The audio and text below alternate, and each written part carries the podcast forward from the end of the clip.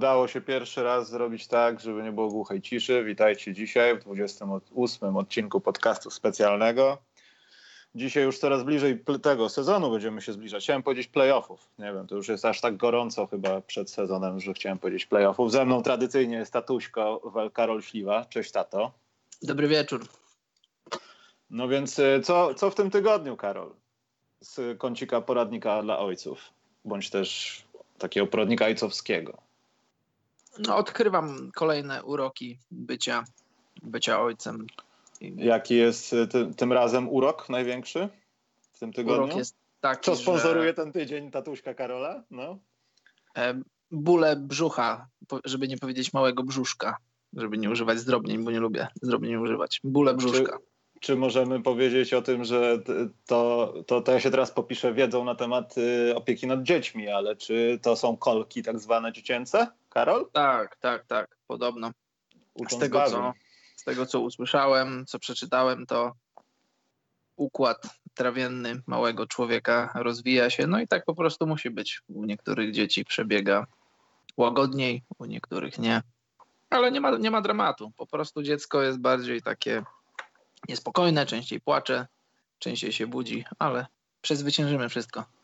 Dobrze. Oczekujemy na przyszły tydzień, Karol, co będzie się działo Dobrze. w następnym tygodniu, ale już wiemy o, tak, wiemy o kolkach. To już jest trzeci albo czwarty tydzień porad i już wiemy o kolkach, także bardzo dobrze.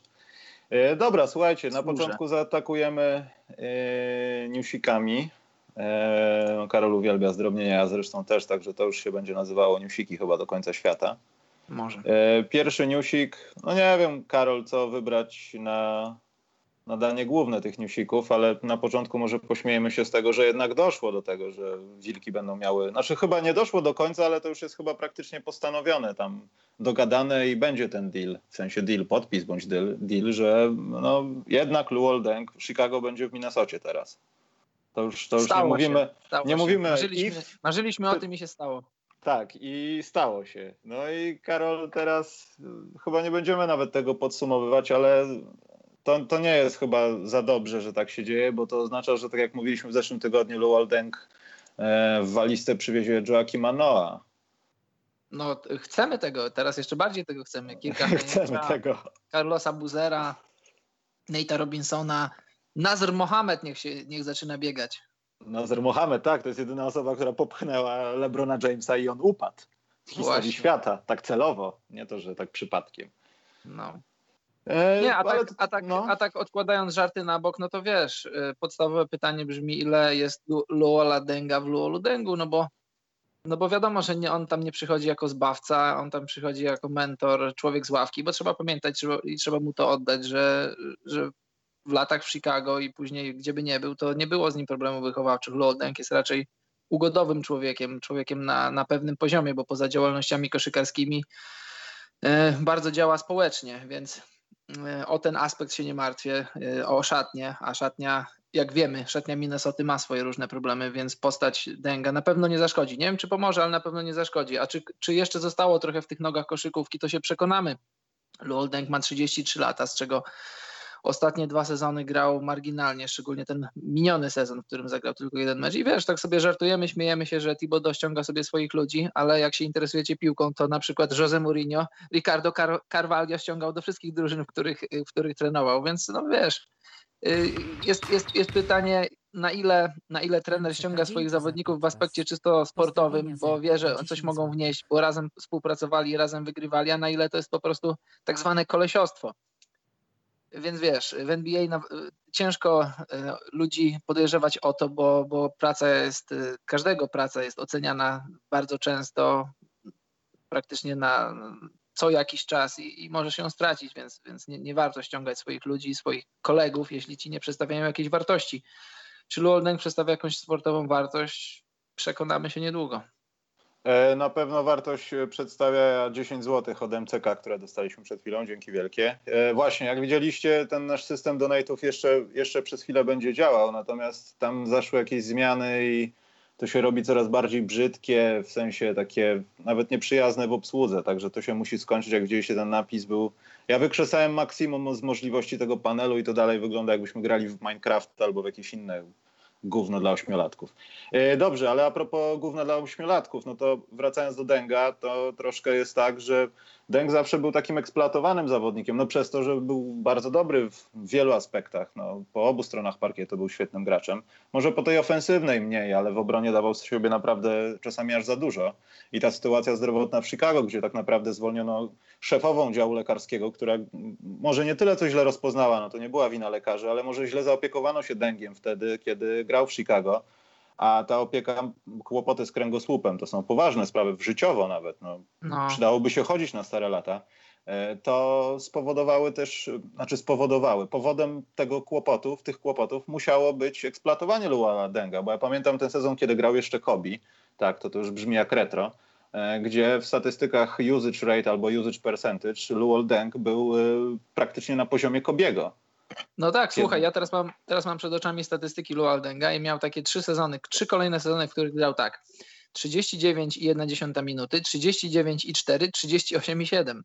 Jego ostatni sezon w Chicago to było 37,4. To można powiedzieć, że wakacje w Hiszpanii, jak na standardy Tomati Bono. Mhm. Także też za, zastanawiam się, wiesz, to ten podpis, yy, pomijając tą całą sytuację i otoczkę z Lakers, gdzie oni będą musieli mu wypłacać też grube pieniądze przez jakiś czas, znaczy grube jak grube, no ale tam jest rozmowa o y, jakimś tam buyoutie rzędu 7-8 milionów dolarów. To i tak to są pieniądze za darmo. No może to nie jest taki range pieniężny Gilberta Arenasa, który może drapać się pod dupie i nic nie robić. Jego dzieci nic nie muszą robić i dzieci jego dzieci pewnie też przez połowę życia nie będą musiały nic robić.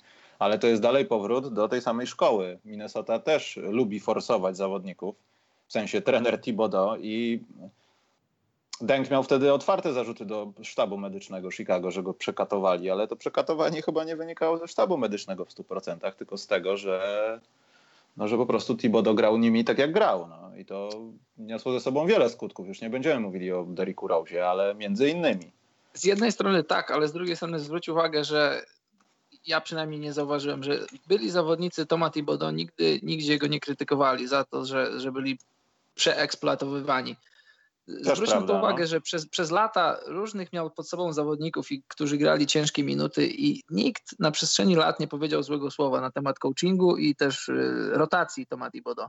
Może gdzieś tam kiedyś tak delikatnie Jamal Crawford y, może nie tyle krytykował Thibodeau, co po prostu był trochę niezadowolony ze swoich minut, ale poza tym ja nie słyszałem na przestrzeni lat, żeby ktoś narzekał na coaching Thibodeau.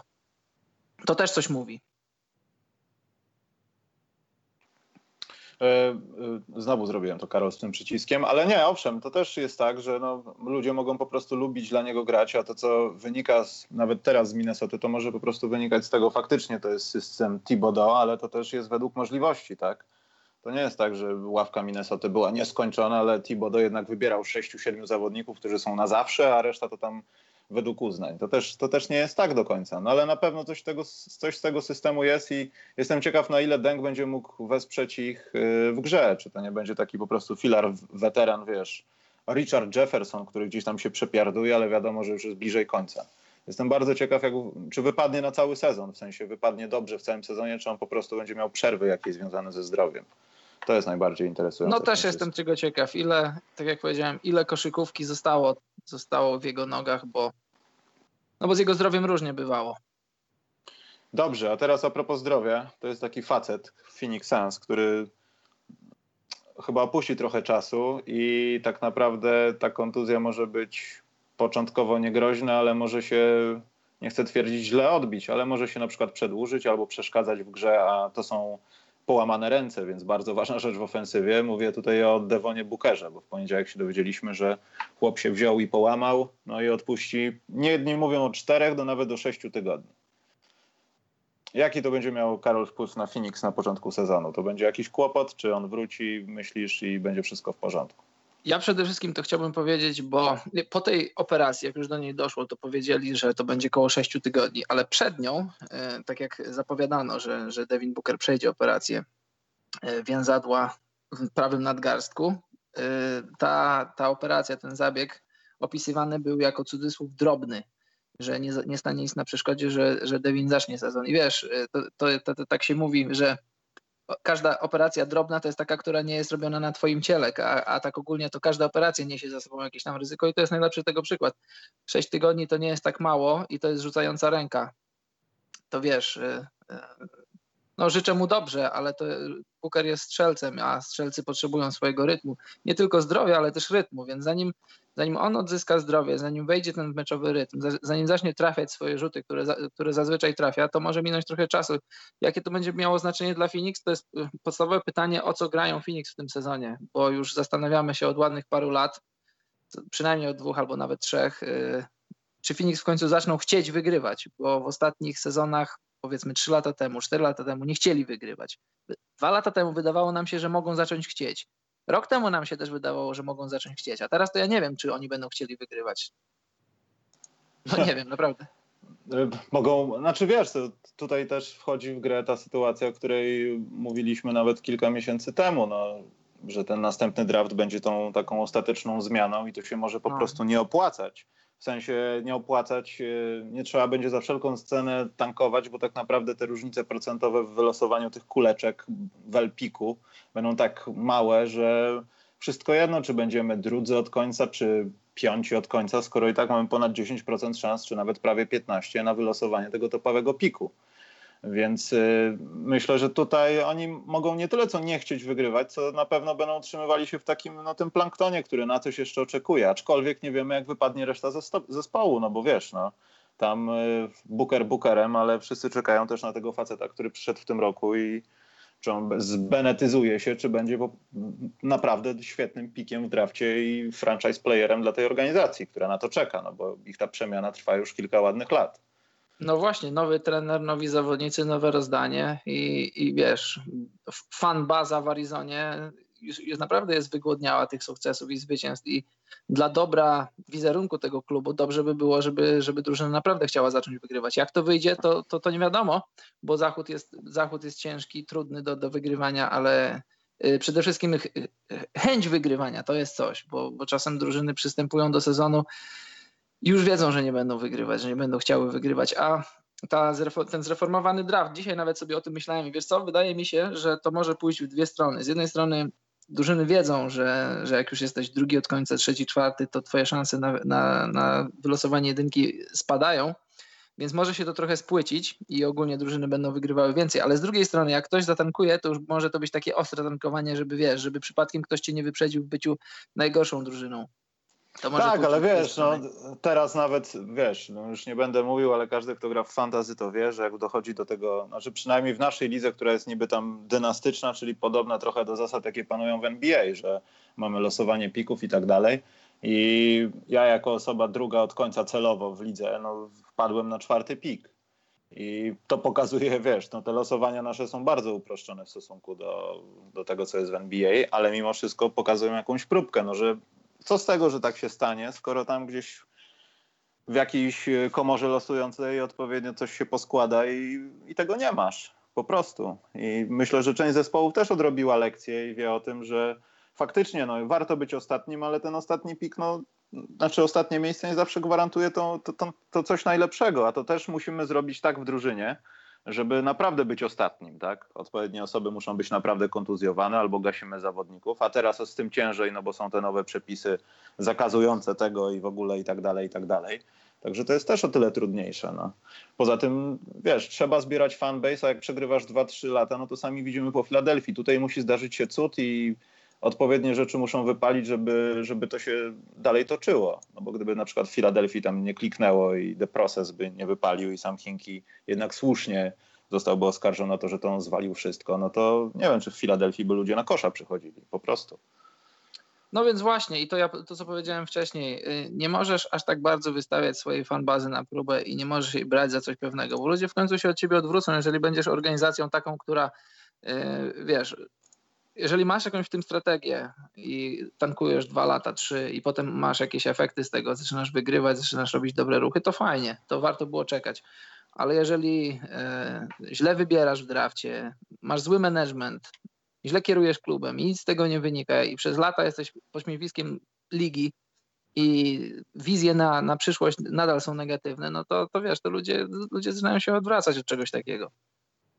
Jasne, że tak. E, dobra, e, ja bym chciał, żeby ta przemiana w Phoenix, w sensie po, pojawienie się Kokoszkowa i te wszystkie rzeczy, które tam się bądź co bądź dobre dzieją z talentem, e, żeby się nie zatrzymały przez to, żeby oni podeszli do tego sezonu tak, no tak jak chciałby trener od początku, no bo wiemy o tym, że on strasznie się zaangażował w to wszystko, pojawiał się na lidze letniej w ogóle no tak wgryzł się w drużynę i słabo byłoby, gdyby tej drużyny w pełni nie mógł wykorzystać. No wiadomo, to jest tylko porządek sezonu, ale no Booker jest strasznie ofensywny. No jeśli coś tam się źle zagoi albo będą jakieś komplikacje, no to mimo to, że jest cholernie młody, no to mo może, może to zatrzymać na jakiś czas ten proces. Nie mówię, że go od razu skreśli, ale w jakiś sposób może go ograniczyć.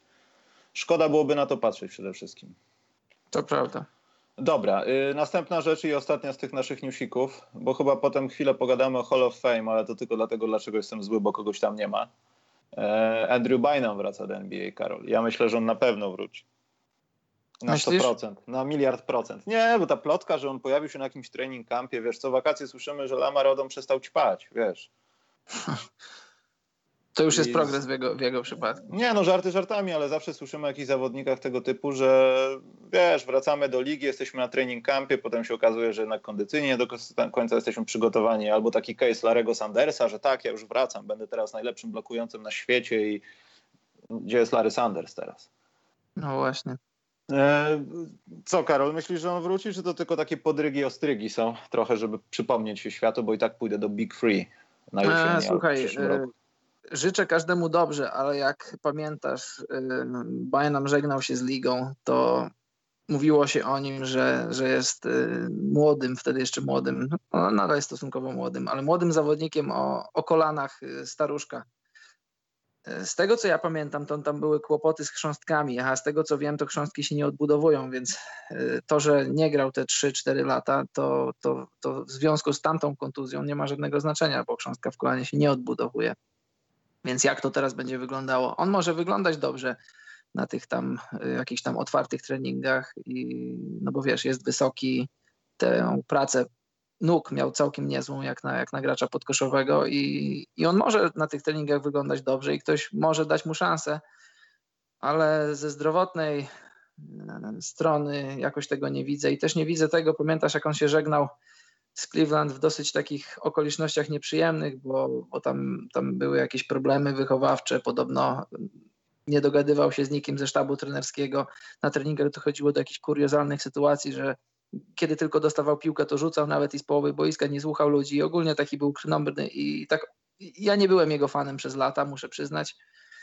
Ale oczywiście życzę mu dobrze, jeśli jest z nim trochę koszykówki, jeśli coś może dać jakiejś drużynie, to, to czemu nie, niech to zrobi, ale ja na miejscu jakiegoś GM-a w NBA nie zaryzykowałbym dania mu kontraktu, no chyba, że nie gwarantowanego, chyba, że jakiegoś tam takiego, wiesz, jak to w, w dzisiejszej koszykówce masz różne two-way kontrakty i różne inne, ale wątpię, żeby on jako 30-latek, który już um, zasmakował mistrzostwa i grał o najwyższe cele, żeby się na coś takiego zdecydował.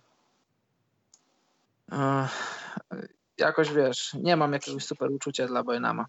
Przede wszystkim no, pierwsze pytanie, w jakim on jest stanie, że tak powiem. No Drugie no pytanie, komu on będzie potrzebny. No bo ja pamiętam Andrew Bynama jako no, gościa, jednego z tych gości wybranych w drafcie, który ma być siłą podkoszową i robić to, co Shaquille O'Neal, tylko że 300 razy lepiej.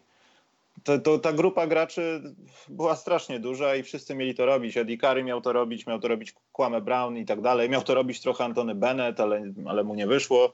No i reasumując, Bynum trochę miał tego, tego takiego, nie wiem, flow, żeby pokazać, że patrzcie ile jest we mnie, ja mogę pokazać wam dużo rzeczy. Natomiast no, przede wszystkim myślę już nie, nie zdrowie, zdrowie, zdrowie, nogi, ręce, tylko zdrowie psychiczne mu przeszkodziło w tym. Tym, że tak jak powiedziałeś, był strasznie zadufany w sobie, brał wszystko jako pewnik, że jestem najlepszy, tylko dajcie mi trochę czasu i tak dalej. I też trafił do takiej drużyny, w której e, no to jego ego mogło trochę zostać zahamowane, wiemy przez kogo. Przez kogoś, kto miał głównie ego, czyli Kobiego w jakiś sposób. I tam to też y, no, mogło pokazać Bajnamowi. No ja pamiętam tą, tą głupią rzecz, która opisuje tak Bajnama. Ja nie mówię o faulu na Barei wtedy, co tak chamsko się wykazał, niszcząc mm. gościa dwa razy mniejszego od siebie tak naprawdę. Całe szczęście, że zrobił to w miarę delikatnie, bo gdyby go uderzył naprawdę z całej siły, to by nie było po prostu Barei w NBA już nigdy. E, to to jak błagał o to, żeby, Boże, kto to był? Steve, yy, Steve Blake, tak? Który pod koniec jakiegoś wygranego spotkania Bynum błagał o to, żeby podać mu piłkę, żeby rzucił za trzy punkty z łokcia, a Blake mu oczywiście nie podał. I to tak trochę pokazuje tą karierę Bynama, że wie, że jest wszystko w porządku, ale jestem podpalony trochę w nieodpowiednich momentach. No właśnie, dlatego ja nigdy nie byłem jego fanem i tak jak mówię, no, no życzę mu dobrze, jak każdemu, ale fakt, że podpiszę kontrakt, jeśli to zrobi niedługo, to nie będzie coś takiego, co sprawi, że będę skakał pod sufit, bo, no bo jakoś tak na przestrzeni lat trochę ta postać jego była jak dla mnie trochę odpychająca, a ten faul na Barei, masz rację, niewiele brakowało, a z Barei zostałby już tylko jego filmy. no, Bareja tak. Bareja i projekt Small Fries to jest w ogóle ciekawa historia. Ciekawe, czy ten projekt Small Fries jeszcze działa i jacy zawodnicy dzisiaj w NBA są z tego projektu, chociaż to myślę, że już zostało zagaszone. E, dobra, ostatnia sprawa newsikowa to Hall of Fame. To, to się działo w momencie, kiedy nagrywaliśmy tydzień temu e, 27 odcinek. Natomiast chyba tutaj nie ma za dużo o czym dyskutować, pomijając to, że co robi tam Dino Raggia i dlaczego nie ma Chrisa Webera, Karol. Dlaczego? E, to jest dobre pytanie, Michał. dlaczego? No, nie, no właśnie, co, co roku dlaczego? jest ktoś taki, wiesz, kto nie jest obrażony może jak Bernard King i czeka 100 lat na to, ale są ludzie, których się ewidentnie pomija i ja wiem o tym, że Jason Kidd, ja wiem o tym, że Grant Hill i ładnie to jakoś tam przypomnieć w ogóle tą całą historię i w ogóle no to są pewniaki też trochę w, w Hall of Fame, aczkolwiek no nie wiem, czy Hillowi nie zabrały kontuzje, no bo też jego nominacja chyba bardziej jest spowodowana jego karierą uniwersytecką niż karierą w NBA, która nie była aż tak bardzo super szokująca i też była mocno oparta na tych obietnicach, które no, kontuzje zabrały Hillowi, bo niewątpliwie byłby to świetny zawodnik i Detroit mogłoby nie przypominać wtedy drużyny, która ma najbardziej ohydne logo na koszulkach, kiedy on przychodził do nich. I też się zastanawiam, wiesz, no, może Hill powinien poczekać rok i Chris Webber powinien, który też może więcej nie zrobił, ale przynajmniej w Sacramento trochę świecił. E, tutaj masz rację, zgadzam się z tobą, bo, no bo kariera Granta Hilla została bardzo, bardzo mocno zastopowana kontuzjami. Wprawdzie zagrał 18 lat, ale to, ale przynajmniej 7-8 lat to były takie lata usiane kontuzjami to były sezony, w których grywał po 4, po 14 meczów, po mniej niż 30. I, i, i wiesz, jeśli, jeśli tutaj robimy case, czy Chris Webber powinien przyjść wcześniej niż Grant Hill, to, to nie wiem, możemy się nad tym zastanowić, ale na pewno powinien przyjść wcześniej niż Dino Radzia, bo e, wybór Yao Minga na swój sposób się bronił, no bo otworzył koszykówkę na, na Azję i raz, że to jest wielki rynek dla NBA, a dwa, że kryteria, jakie musisz spełnić, żeby wejść do Hall of Fame, to, to, to też jest, to nie tylko jest aspekt czysto koszykarski, jakim jesteś koszykarzem, ale też w jaki sposób promujesz i rozwijasz koszykówkę, więc tutaj nie można tego Yao Mingowi zabrać, a z kolei jak dla mnie znak zapytania stoi przy nazwisku Dino Radzi, bo no był jednym z tych pierwszych y, Europejczyków, który odniósł jakiś tam sukces. No może to nie był wielki sukces, bo w zasadzie powiedzmy, że sam angaż i to, że się utrzymał w lidze i jakieś tam robił statystyki na, na przyzwoitym poziomie, to był jego sukces. Ale tak globalnie w skali koszykówki, co Dino Radzia zrobił dla koszykówki takiego, żeby, żeby wejść do Hall of Fame, e, możemy się zastanawiać. I jeśli to porównasz z karierą Chrisa Webera, która może nie, nie zakończona mistrzostwem NBA, ale naprawdę kariera na poziomie All-Star, nawet więcej. I, i, I zgadzam się z Tobą, że że Chris Webber powinien się znaleźć w Hall of Fame w tym roku czy, czy w latach poprzednich, a szczególnie powiedzmy w tym roku, jeżeli porównasz z kilkoma postaciami, o których powiedzieliśmy przed chwilą, szczególnie z Dino Radzią, bo, bo tak jak mówię, jeżeli ten aspekt internacjonalny, że, że promujesz koszykówkę, to, to tego aż tak nie było w, w karierze Dino Radzi. No może to po prostu jest taki zawodnik, wiesz, no mamy podziałkę, że Europejczyk musi być i koniec. Wiesz, to, to może być aż tak proste, ale też nie umniejszajmy. Dino Raggio to wcale nie był zawodnik, który no był, nie wiem, na poziomie Scotta Pollarda i nic nie znaczył w NBA. No. Nie, nie, jasne, nie mo- jedno to masz pewne. rację. No. Katy Smith był... nie wygrałaby z nikim z tego grona, to i tak jest dobrze. Bo jest Steve Nash, jest Ray Allen, no Boże święty, Ray Allen jest chyba, naj... no i Maurice Cheeks trochę, ale to już dla takich bardzo retro fanów NBA, ale Ray Allen, serio, to jest na, na, najlepsza postać z tegorocznej klasy. W, w jakim sensie? No w takim, nie wiem, skojarzeniowym, taki najbardziej, wiesz, najciekawszy koszykarz z tych wszystkich ludzi, wiesz. A no ja, ja, lubię, ja lubię całą czwórkę. Jasona Kida też bardzo lubię, Granta Hilla. No w zasadzie czwórkę, mówię czwórkę, bo mówię o tych postaciach, które najbardziej znamy i lubimy, no bo Mori, dla Mori, Morris Chicks też był wielkim koszykarzem, ale to nie, nie, naszego pokolenia i też nie mieliśmy nawet okazji oglądać tego, no bo w, w, w czasach, kiedy, kiedy grał Morris Chicks w NBA, to, to z tego co wiem nie było jeszcze NBA w, polskiej telewizji. To niektórzy ludzie skakali przez płot. Takie to były czasy właśnie chyba. Tak. Dobra. Y piszemy petycję, żeby Chris Webber był, czy on będzie za rok, Karol, myślisz? Bo ja bym zaczął od pisania petycji, bo to, bo to tak nie może być. To nie może być tak. Może, nie może, nie, a na pewno nie powinno tak być. I teraz jest pytanie, bo wiesz, y, w ostatnich latach, bo Chris Webber już jest, już ma uprawnienia do tego, żeby trafić do Hall of Fame już od ładnych paru lat, ale jakoś tak w ostatnich latach zawsze coś, coś mu staje na drodze, znaczy ktoś. I no, miejmy nadzieję, że w końcu tam trafi, bo moim zdaniem zasługi, zasługuje, zasługiwał za, za swoją karierę. E, tutaj pojawiają się głosy na czacie dotyczące innych nominacji, e, na przykład dla najgorszego koszykarza Pawła Podkolcina. Ja myślę, że nie, no, że Hall of Fame najgorszych koszykarzy i w jego przypadku on by się tam nawet nie zmieścił, bo moja lista jest strasznie duża.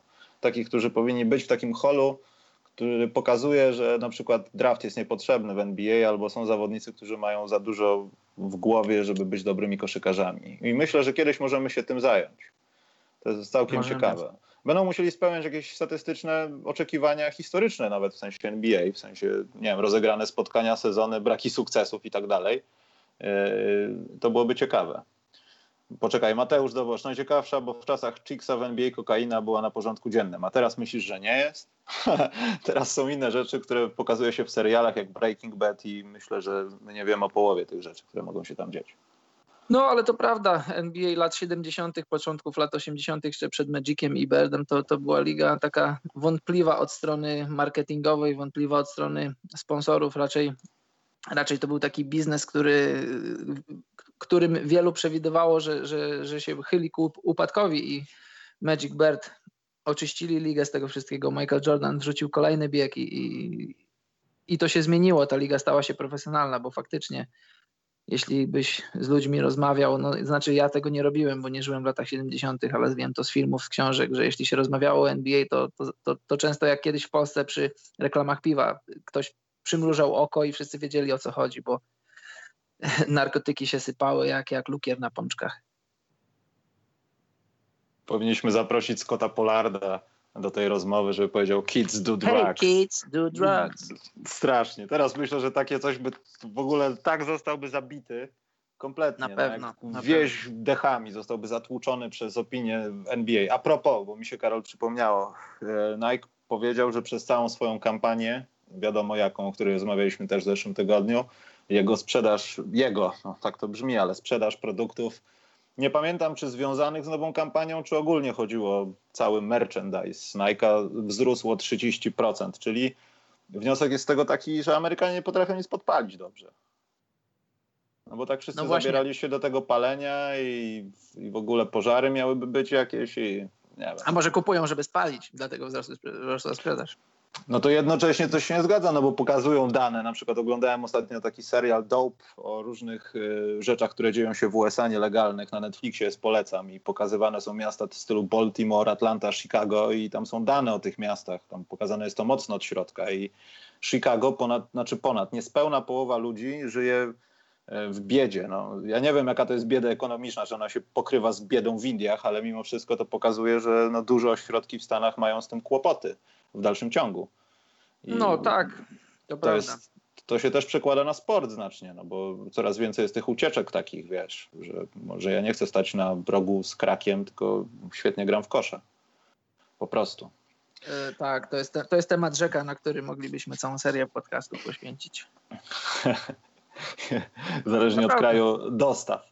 E, dobrze, więc e, przechodzimy do rzeczy, która wydarzy się za 30 dni, ale tak samo mało o niej wiemy, jak będziemy wiedzieli za tydzień, czyli o małym przeglądzie sezonu pod względem zwycięstw i tego, co się będzie działo w każdej konferencji. I w tym tygodniu bierzemy sobie na talerz potencjalnie najnudniejszą i najbardziej przewidującą, ale tutaj robię teraz okiem, jak w reklamach AB, że warto się nawalić, że tak w zeszłym roku mówiliśmy, że ona będzie niekonkurencyjna, że będzie do dupy, a ona nie była do dupy i my wyszliśmy na ludzi do dupy, że tak mówiliśmy o niej trochę. I przejdziemy do tego. Karol, myślę, że zaczynamy od końca, co? A i słuchajcie, właśnie, bo to jest taka sytuacja, że co roku niby od zawsze Liga NBA nie współpracuje z bookmacherami, ale mimo wszystko w jakiś sposób posiłkuje się tymi danymi dotyczącymi tego, co Las Vegas widzi przed sezonem. Kto ile wygra spotkań i tak dalej.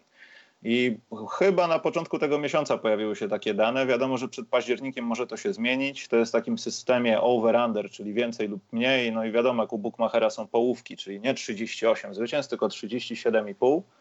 I na, na kanwie tego będziemy opierali to, czy według nas, nie wiem, oni się mylą, czy oczekujemy więcej zwycięstw. No i przyjrzymy się w ogóle całej konferencji wschodniej, bo plan był, żeby to na dywizję podzielić, ale to chyba nie ma mniejszy, największego sensu, bo bo i tak byśmy zrobili dwie naraz po prostu. Tak, to są tak Dobrze. zwane li, linie na zwycięstwa. Poczekaj, Karol wykazuje się swoim kung fu, bo lata wielki komar. Dobrze. Dobra, jest po jabłkach już z nim. Yy, a właśnie, a propos Bajnama, jedno mi przyszło do głowy, że może to on nie trenuje na NBA, tylko że może on chce do Big Free pójść, bo ja tak nie pomyślałem o tym w zasadzie. To jest idealne miejsce dla niego. Tam nie trzeba się wracać do obrony.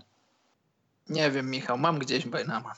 Ja, ja to się strasznie ekscytuję. To jest, to jest, to jest tak samo ekscytujące jak Karol z Buzer. Dobra, Karol, od której strony zaczynamy? Od najgorszej.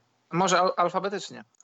Nie, alfabetycznie to potem zrobi nam się burdzie, burdziel. Ja, ja mam wszystko zapisane alfabetycznie, ale Dobrze, możemy jechać jak chcesz. To będziesz musiał się wykazać tym, że będziesz musiał literki znajdować w tym swoim alfabetycznym, bo zaczynamy od alfabetycznie, od Atlanty.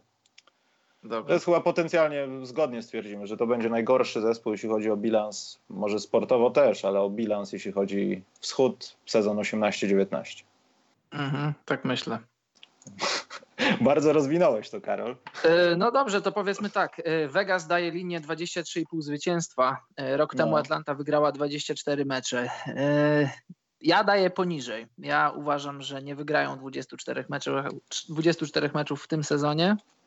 E, pozbyli się swojego trenera, wieloletniego trenera, pozbyli się swojego najlepszego zawodnika za kontrakt Melo i wszyscy wiemy, w jakim kierunku ta drużyna idzie. Ta drużyna zatankuje. Teraz pytanie, jak mocno zatankuje, bo może, może się okaże, że pułap 24 zwycięstw to akurat będzie coś, co daje im najgorsze miejsce, ale ja myślę, że jednak tak nie będzie i stawiam poniżej. Moim zdaniem Atlanta, która w tym sezonie nie będzie grać o nic, tylko i wyłącznie o tankowanie, nie wygra 24 meczów.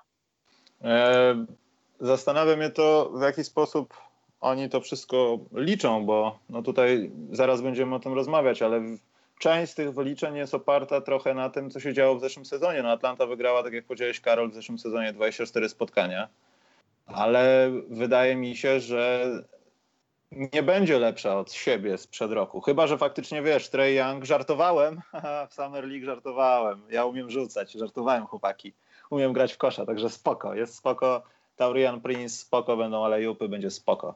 E, ale też trochę w to nie wierzę, że Atlanta będzie się ocierała o ten próg 19-20, bo to wiesz, to będzie już takie trochę filadelfijskie bardzo. I nie wiem, czy Atlanta będzie na tym takim filadelfijskim sezonie, poziomie sprzed kilku sezonów. Ale wiesz, to mogą być dokładnie 24 wygrane, to mogą być 23 wygrane.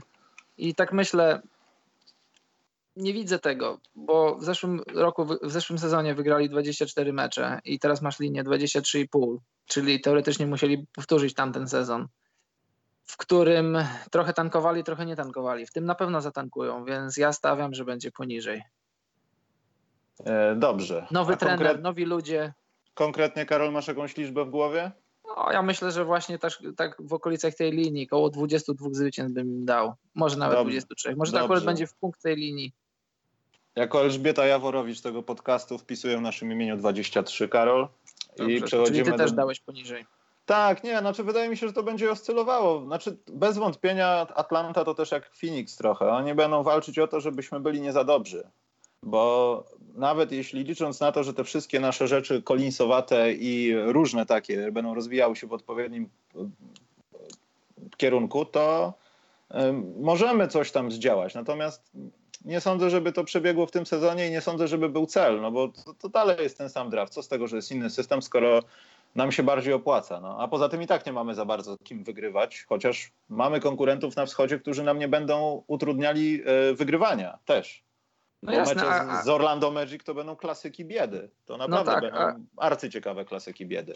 A historia pokazuje, że rozwijanie młodych zawodników i wygrywanie nie idzie, w, no znaczy nie zawsze, a raczej rzadko idzie w parze, więc to akurat jest im na rękę. Rozwijanie młodych zawodników kosztem wygrywania meczów. To, to tak to działa. Mm, e, tak, Mateusz, dam za moment, tylko zrobię ich więcej. E, dobra, przedostatnia drużyna, Karol, kogo masz? Bo ja mam Orlando ja, Magic. Ja jadę alfabetycznie. To znać Orlando Magic. Dobrze.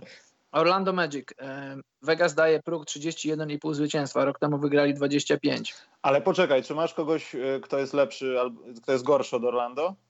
Bo Teraz ja bym wolał... powiem mimo ja wszystko robiłem, od końca, Karol, wiesz? Ja to, ja to robiłem inaczej i no po prostu robiłem to inaczej. Dobra, to będę to wyciągał. Jak znajdzie się coś po drodze, to będziemy krzyczeć. Dobra, Dobrze. ale zakładam, że Orlando raczej będzie ssało na drugim miejscu w twojej tabeli. Ja też. jeszcze, ja wiem, ja wiem o co ci chodzi. Chodzi ci, ty już masz swoją piętnastkę od 1 do 15 na wschodzie. Ja po prostu wziąłem linię, wziąłem alfabetycznie drużyny Mhm. I sobie analizowałem ich zwycięstwa. Jeszcze nie mam ich poukładanych tak, jak wydaje mi się, że skończą sezon. Wiem, wiem że o to ci chodzi, to, to nie mam. O to tak, mi chodzi, ale ja też tak nie mam, jeśli chodzi o miejsca na przykład 4, 5 i tak dalej, bo dla mnie to jest dalej cegła w pralce. Ale te ostatnie to raczej, raczej mam. Rozumiem. Dobra, Orlando, no. Dobrze, Orlando. Vegas daje próg 31,5 zwycięstwa. Rok temu Orlando wygrało 25 meczów. E, próg 31 zwycięstw to jest to jest dużo i niedużo. E, nowy trener, Steve Clifford, który, który jest dobrym trenerem.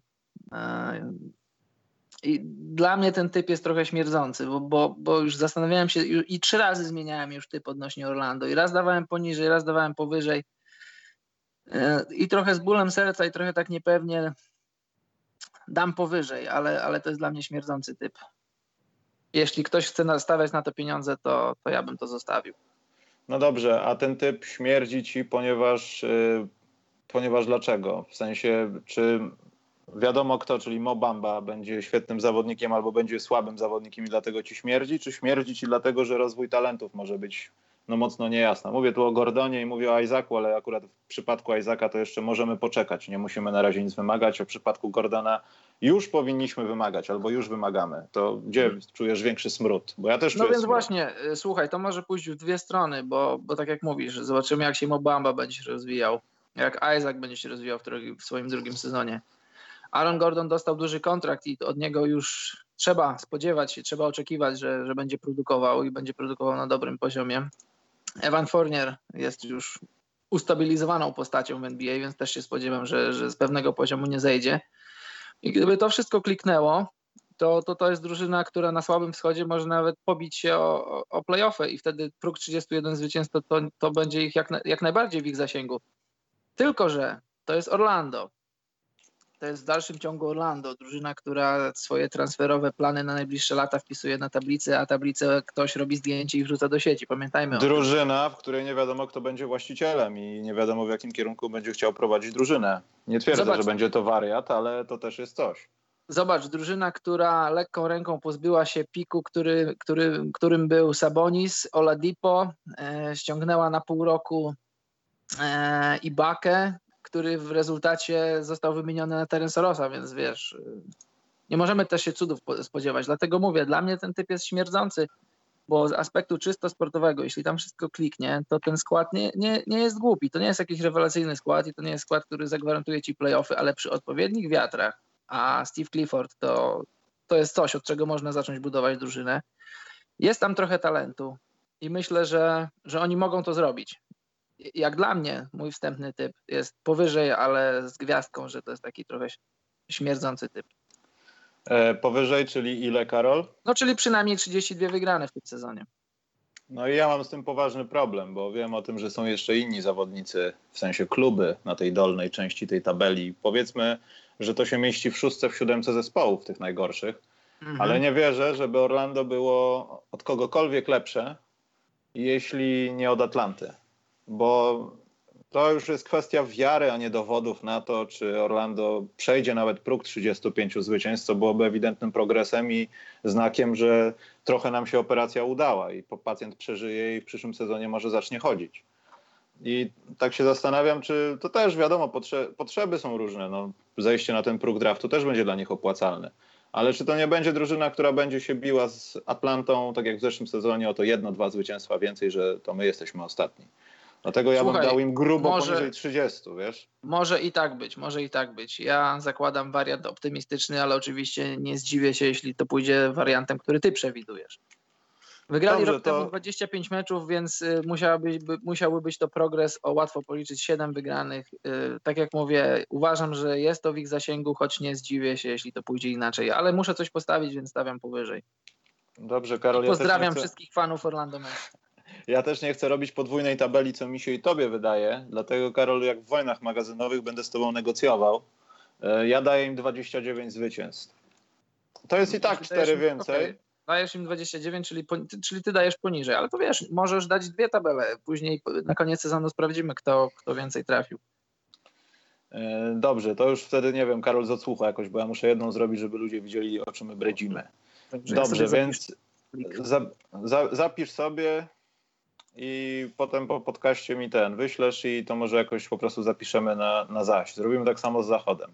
Dobra, Dobrze. jedziemy dalej. E, z racji tego, że ty masz alfabetycznie, to, to, to powiedzmy coś o może Chicago Bulls, bo oni też chyba będą w gronie tych takich może razem z Cleveland, ale tych takich, kto będzie trzeci trochę. Chociaż ja się nie zgadzam z tym pikiem Las Vegas, bo Las Vegas dało na Chicago 27,5, co moim zdaniem jest stanowczo za mało. To nie no będzie to bardzo dobrze, to postawisz, postawisz i wygrasz pieniądze, jeśli, ta, jeśli tak to będzie.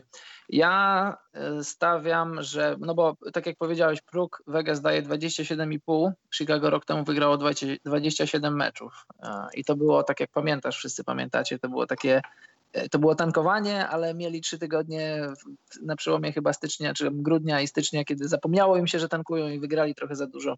Tak. Myślę, że myślę, że w tym sezonie aż tak bardzo w interesie ich. Po prostu są za dobrzy na to, żeby za mocno zatankować i też zmieniony system, zmieniony system, tak jak powiedzieliśmy, draftowy e, już nie jest tak atrakcyjnie e, zatankować, więc myślę, że przebiją 27 wygranych. Ile to będzie, to nie wiem, ale jestem, znaczy no nie jestem pewny, ale wydaje mi się, że, że bez problemu wygrają więcej niż 27 meczów. Ile to będzie, to, to nie wiem. Mi wydaje się, że Chicago jest w stanie wspiąć się na 30 zwycięstw. To będzie zawsze jakiś progres o, w porównaniu 30, z poprzednim sezonem. Jasne. Też uzmysłowiłem sobie, że my nie liczymy tego, kto gra ze sobą i tak dalej, bo powinniśmy to tak policzyć, jeśli chodzi o konferencję, żeby to wszystko było proporcjonalne, no bo jeśli będziemy ładować po każdego po 30, to wiesz, ktoś będzie musiał przegrać 60 na koniec dnia się okaże, mam 15 ekip, dlatego jak coś, to może po prostu samymi tymi zwycięstwami się sugerujmy. Ja no, myślę, no, że... wiesz, bo to ja, ja trochę mam doświadczenia w tym, bo już od ładnych paru lat e, e, po prostu obstawiam sobie te długo, długoterminowe zakłady całosezonowe. I to też nie ma co się sugerować tym, że masz zbyt dużo typów na powyżej, bo po prostu wszystko zależy od linii. I czasami bookmacherzy układając linię trochę, wiesz, trochę przeszacowują drużynę, czasem nie doceniają i no i jeśli jesteś w stanie to dobrze przewidzieć, no to, to, to twoja, twoje szczęście. Więc nie ma co się sugerować, że w zbyt wielu przypadkach masz powyżej albo w zbyt wielu przypadkach masz poniżej, no bo to wszystko zależy od progu, który był w jakiś tam sposób ustalany. Dobrze, ale to wpadłem na pomysł taki, że będziemy mówić alfabetycznie faktycznie, jak ty masz. Ja to sobie Dobrze. ułożę tutaj w pole tekstowe i złożymy sobie na koniec tabelę i to będzie chyba najciekawsze. E, dobra, e, więc co? E, więc może teraz proponuję Cleveland Cavaliers, bo oni są. No to jak jedźmy alfabetycznie, to już, e, to już uściślimy to i po Atlancie mamy teraz Boston. Aż tak dobrze teraz jedziemy, tak? Tak, jedźmy. No już trzymajmy się tego alfabetycznego. Dobra, klucza. dobra, nie zmieniajmy. Okej, okay, dobra. 57,5 no daje Las Vegas. W zeszłym sezonie było 55? 55. 55 było rok temu, Las Vegas daje 57,5 i dla mnie to też jest taki troszkę troszkę może nie tyle śmierdzący, co, co taki trochę niebezpieczny próg, bo 58 wygranych to, to jest jednak dużo, to nie jest mało. I, I, żeby być dobrą drużyną w NBA, to wystarczy wygrać 50-50 parę meczów i już o tobie mówi się, że miałeś dobry sezon i, i, jesteś dobrą drużyną. I Boston na pewno będzie dobry w przyszłym sezonie. To nie ma co do tego wątpliwości. Sama, sama obecność, sama postać Brada Stevensa gwarantuje jakiś tam poziom, poniżej którego Celci nie zejdą. Będziesz miał zdrowego Kyrie Irvinga, Gordona Haywarda, e, lepszego Jalena Browna, lepszego Tatuma, więc, więc e, nic nie stoi na przeszkodzie, żeby postawić powyżej, no ale jednak 58 zwycięstw to już jest blisko 60, a, a, a jak popatrzysz historycznie drużyny, które wygrywały 60 meczów, to, to raz, że nie było ich aż tak dużo, a dwa, że to były drużyny, które zazwyczaj grywały w finałach albo nawet i zdobywały mistrzostwo. Pod tym względem mam trochę kłopot z tym typem, ale wstępnie daję powyżej, no bo jeśli stawiasz przeciwko Bostonowi, to, to musisz gdzieś tam e, w rękawie mieć scenariusz, w którym ktoś dostaje kontuzję, w którym coś nie wychodzi. A ja takiego scenariusza nie mam, więc daję. Znaczy ogólnie myślę, że możemy się pozbyć tego w sensie. No, to może tak samo się stać jak w zeszłym sezonie drugi mecz i pierwszy mecz, albo nie wiem, coś z pięciu pierwszych i mamy jakiś podobny zgon jak z Haywardem, to jest wiesz. Jasne, oczywiście. Ale, Ale, dobra, konkretnie ile? To będzie co? 58? Bo ja myślę, że Boston jest w stanie, zależnie od tego, jak Toronto zaadaptuje się wiadomo z kim, e, to, no. to tutaj gra będzie się rozgrywała między Toronto, Bostonem a Filadelfią i te wszystkie proporcje właśnie będą wchodziły w grę i myślę, że Boston jest w stanie wykręcić 60 zwycięstw lub tam troszkę więcej. Ja Jeśli tak będą tak w zdrowiu, to, to jest no ja taki typ nawet wiesz, podchodzący pod 65, wiesz, no tak, słuchaj, robiąc... wschodu. No robiąc takie typy, bierzemy pod uwagę przede wszystkim potencjał drużyny. Aspekt zdrowotny to jest coś, czego nie jesteś w stanie przewidzieć. Jasne, musisz to wkalkulować, no ale wyjściowo nie zakładamy, że, że na przykład no rok temu nie zakładaliśmy, że Gordon Hayward złamie nogę w, jednej, w jednej z pierwszych akcji meczu, choć z tego co pamiętam, to wydaje mi się, że mimo wszystko Boston osiągnął swój próg. Bo, nie, na pewno osiągnął, bo wygrali 55 meczów, a próg chyba był 52 z tego co pamiętam, mhm. ale może się mylę.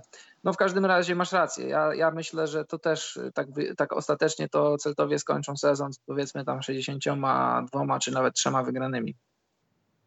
Dobrze, to świńskim targiem dajmy im 63, co oznacza, że przegrywają 19 spotkań w tym sezonie, jeśli mnie matematyka nie pomyliła tym razem. I no, na razie będą na szczycie naszej tabeli myślę, że to się nie zmieni przez kawałek czasu. Poczekajcie, wklejam to. Wybaczcie, na razie to wygląda trochę jakby to było dosyć niepełnosprawne, ale zaraz będzie ciekawsze, bo będziemy w Brooklynie teraz.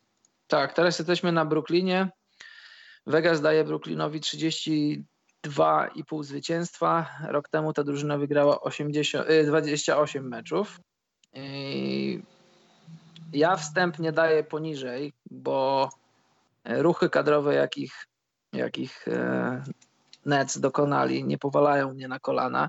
Chociaż tak jak mówiłem wiele razy, czy może niewiele, może kilka razy w naszych podcastach, to jest, to jest bardzo dobry system i, i ci, którzy oglądają mecze Nets, oni wiedzą, że, że system Kennego Atkinsona to, to, to jest coś i, i naprawdę nie przesadzam, to jest coś jak Warriors, oni naprawdę dużo grają szybko, dużo za trzy, dużo penetracji, zmian pozycji, tylko po prostu brakuje im ludzi, brakuje im talentu.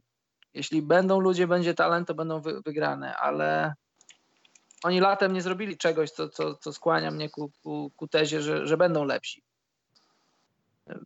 Dalej ich mecze będą ciekawe do oglądania, ale myślę, że to się nie będzie przekładać na zwycięstwo, więc jeżeli rok temu wygrali 28 meczów, na ten rok ich próg jest podniesiony o 4 wygrane, to to ja stawiam poniżej. Jak bardzo poniżej? No myślę, że to może być właśnie około 30, 31 nawet, może nawet w okolicach tego progu, ale, ale wyjściowo stawiam poniżej. Wydaje mi się, że to też jest poniżej i możemy tak na naszej mitycznej tabeli walnąć ich w takim razie na równi z Chicago Bulls, bo mogą wygrać okolic, w okolicy 30. Myślę, że znacząco mniej, to nie będzie 20 spotkań, ale 30-29 to właśnie tworzy się ten peleton do draftu, myślę, tutaj w no. tym miejscu i też jestem tego zdania. Poza tym Brooklyn jest dalej w tym takim, tam się wiele pozmieniało i wiele się będzie zmieniało, ale Brooklyn jest takim, tym takim trochę rozsieroconym miejscu. To miała być wielka organizacja, tutaj miał pomagać rap, historia tego, co się dzieje na Brooklynie. Nagle się okazało, że ktoś wydał trochę za dużo pieniędzy i płacimy takie podatki, że w zasadzie ludzie już nie muszą płacić za bilety, bo i tak utrzymujemy cały Brooklyn i budujemy im drogi, szkoły, zapewniamy opiekę medyczną i tak dalej, więc klub jest niepotrzebny, bo mamy takie długi.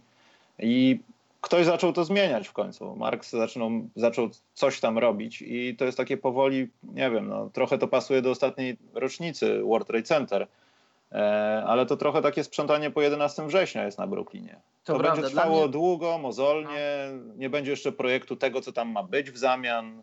I to też tak trochę prowadzi donikąd, ale no, jakiś progres będzie, także dajmy im te 30.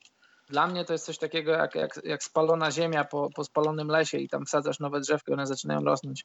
Po polityce pana Michaiła Prochorowa, mu się wydawało, że tak jak wchodzisz z pieniędzmi do piłki nożnej i możesz wygrać mistrzostwo skupiając najlepszych zawodników, jakich tylko się da, pomijając salary cap, pomijając podatek od luksusu, ale okazało się, że w warunkach NBA, w takich, a nie innych prawach i, i, i różnych tam rzeczach, zależnościach między ligą a, a, a właścicielami, to nie da się tego w tak szybki sposób przeprowadzić i teraz, teraz Brooklyn trochę w ostatnich latach trochę płaci za to, no ale wychodzą na prostą i wydaje mi się, że właśnie w ich dobrym interesie byłoby zatankować w tym roku, bo o playoffy nie grają i czy wiesz, czy wygrają 35 meczów, 36 czy 29, to ostatecznie nie będzie robić różnicy, a przy tych ciepłych piłeczkach może robić to różnicę, więc ja na ich miejscu nawet nawet pomyślałbym o mocnym zatankowaniu. Ciepłej kopercie. Ciepła koperta, ciepłe piłeczki. E, dobrze, w takim układzie jedziemy do najbardziej konserwatywnego stanu, który nie lubi wszystkiego co inne, czyli do Charlotte Hornets. Tam się pojawił Tony Parker. Las Vegas mówi 35,5. Las Vegas mówi 35,5. Oni rok temu wygrali 36, czyli dokładnie mniej więcej tyle, ile ten próg wynosi. I to też dla mnie jest taki niepewny typ, ale jeśli muszę, no bo muszę, no to postawię powyżej, bo w zeszłym roku dużo rzeczy poszło nie tak. Nicolas Batum miał kontuzję, Michael Gilgilsis też miał kontuzję. Przede wszystkim w składzie był Dwight Howard i ja to mówiłem od początku, chyba nawet pisałem typy na swoim blogu nie pamiętam jaką linię dawało Vegas w zeszłym roku. W zeszłym roku Vegas dawał bardzo dużą linię, ponad 42 z tego co pamiętam, czy nawet 43. Dla mnie to był pewniak na poniżej, bo nie wierzę w drużyny, w których gra Dwight Howard. Tutaj teraz Dwighta Howarda nie ma. Już samo to, że Howarda nie ma w tej drużynie, to, to już jest plus. Więc jeśli w tamtym roku wygrali 36 meczów, a w tym roku linia jest 35,5, no to ja daję powyżej. Tak trochę bez przekonania, ale daje powyżej. Tak jak mówisz, jest Tony Parker, jest, jest nowy trener z tego pnia Grega Popowicza, więc wierzmy w to, że dobre standardy przychodzą do Charlotte. Poza tym e, to jest trochę też może, może nie aż tak bardzo taki sam, ale to jest bardzo podobny case do tego, co jest w Portland. I myślę, że między Damianem Lillardem a Kemba, Kembą Walkerem będziemy mogli postawić w tym aspekcie taki lekki znak równości, że po pierwsze, no poniżej wszelakich radarów. Ja, ja wiem, że między Kębą a Lillardem jest prawdopodobnie spora różnica, jeśli chodzi o talent i to, co mogą robić, ale nie aż tak duża, żeby obaj nie zaskakiwali. W sensie tutaj Kemba Walker myślę, że będzie mocno, mocno szalał na wschodzie, będzie, będzie miał takie miesiące, że będziesz się zastanawiał albo przed meczem gwiazd, albo po meczu gwiazd. Do cholery, dlaczego go tam nie było, dlaczego on teraz tak gwiazdorzy. I to będą takie dni, kiedy Charlotte może wygrywać te spotkania, które pozornie mogą nie zaprowadzić donikąd, ale będą pokazywały, że no, w tym roku faktycznie zanotowaliśmy progres, nowy trener, Bismarck biją, bo wreszcie odzywa się do kolegów, zaczął jeść. Tony Parker przestał, przestał opowiadać o San Antonio i płakać, że jednak chce wrócić i mamy iluzję tego, że chcemy grać w playoffach. I myślę, że Charlotte jest w stanie, jest w stanie pokryć te takie, nazwijmy to, nadzieje tego typu. No. Jest w stanie to pokryć i też trzeba pamiętać, że Michael Jordan jest głodny sukcesów i za nim ciągnie się taka trochę etykieta słabego właściciela. I myślę, że tak jak jest wiele drużyn, które chcą zatankować i chcą się odbudować przez draft, tak Michael Jordan potrzebuje tych zwycięstw. Nie tylko dla, dla, dla stanu, dla drużyny, ale też dla samego siebie jako, jako właściciela, jako bardzo wygranego człowieka w swojej karierze sportowej, więc y, nie spodziewam się, że, że Hornets na jakimś etapie sezonu zatankują, choć może to zrobią, jeśli wiele rzeczy pójdzie nie tak na początku. No ale zakładajmy optymistyczny scenariusz i 36 zwycięstw to, to, to nie jest aż tak dużo na wschodzie, bo jeśli po, policzysz sobie, że cztery razy będziesz grać z Atlantą i, i, z innymi Brooklynami i z innymi ciekawymi drużynami, no to to chyba nie jest aż tak trudno 36 zwycięstw zbierać. Poza tym trzeba też wspomnieć, no, że w 2019 roku mecz gwiazd będzie rozgrywany w Charlotte. I Właśnie. to też dla nich jest spora nadzieja, już nie, nie, nie, nadzieja sama sportowa w sobie, no bo to w zasadzie do, do niczego cię nie sprowadza i do niczego cię nie zobowiązuje, ale przypomnijmy, że w Charlotte jest ta sprawa z tym House Act czy House Bill dotycząca tego, że no możesz powiedzieć, że twój sklep nie sprzedaje cukierków homoseksualistom. Tam coś się porobiło, były jakieś y, złagodzenia tej, tej ustawy stanowej i tak dalej, ale spowodowało to, że stan Charlotte po prostu coraz bardziej był no, wyzuty ze sportu, no bo sponsorzy mówili, że nie, nie chcemy być za to odpowiedzialni, wy jesteście tacy ksenofobiczni troszeczkę i w ogóle nietolerancyjni, więc my uciekamy stamtąd i nawet doszło do jakichś takich rzeczy, że zaraz po rozmowach, czy poprawicie tą ustawę, czy nie, przestały jeździć ich te greyhoundy, czyli takie nazwijmy to PKS-y między miastami, bo po prostu firmy stwierdziły, no to skoro tak, no to my też nie mamy obowiązku do was jeździć. To no prawda, tak... no przecież trzeba, trzeba pamiętać, że w ogóle NBA zabrała miasto tak, Charlotte tak. i Jordanowi. Jest... Oni mieli w 2017 organizować All-Star. No i na ostatnią i... chwilę pojawiło się to w Nowym Orlanie, tak? To prawda, i Adam Silver to zabrał, no ale trochę się pozmieniało i Jordan z powrotem to dostał. Dlatego to też jest szansa dla Charlotte, żeby no nawet jako organizacja pokazać się z tej lepszej strony, no bo to też chodzi o pozyskiwanie jakichś bardziej intratnych e, niż Marvin Williams stuletni wolnych agentów. E, ta gra też jest o coś. Dobrze, w takim układzie to co? Ile dajemy e, Charlotte? Słuchaj, jeżeli wszystko dobrze zagra, to ta drużyna może być nawet na plusie, więc jakieś takie wyżebrane 42 do 40 mogą zrobić. Yy, nie będzie dla mnie wielkim szokiem, jeśli na koniec sezonu to zobaczę. Pod nowym trenerem, przypomnę, z pnia Grega Popowicza, bez Dwighta Howarda, w nowym rozdaniu. Jeśli wszyscy będą zdrowi, jeśli będzie im się chciało, to, to ten skład ma potencjał, żeby to zrobić. A jeśli nie, to wiesz, to wszystko może się wydarzyć. Dobrze, więc znowu świńskim targiem 39-43 e, i nawet cię nie pytam o zdanie. Karol? Możesz, nie ma problemu. Ale w każdym razie powyżej progu. Nie, powyżej tego, co daje Las Vegas, to ja też się z tym zgadzam. Dobrze, alfabetycznie. Dobrze, Chicago omówiliśmy. Teraz jest drużyna, o której marzyłem przez ostatnie lata, żeby rozmawiać w tym charakterze. Znowu Cleveland Cavaliers. No tak. E, Vegas daje 30,5 zwycięstwa. Rok temu, jak pamiętamy, było okrągłe 50, ale tam się trochę 50, zmienił skład. 50, musisz 50. Tam się, tak, 50, tam się trochę zmienił skład i taki facet jeden odszedł z tej drużyny. I czy ten facet to było 20 wygranych, to się, to się przekonamy. E, ale co, facet z depresją został. E, no. Facet, który nazywa się Kaptur, e, bądź też dzielnia, też ma zostać. Mhm. Więc y, może to nie będzie tak, jak mówi Las Vegas, że 30,5.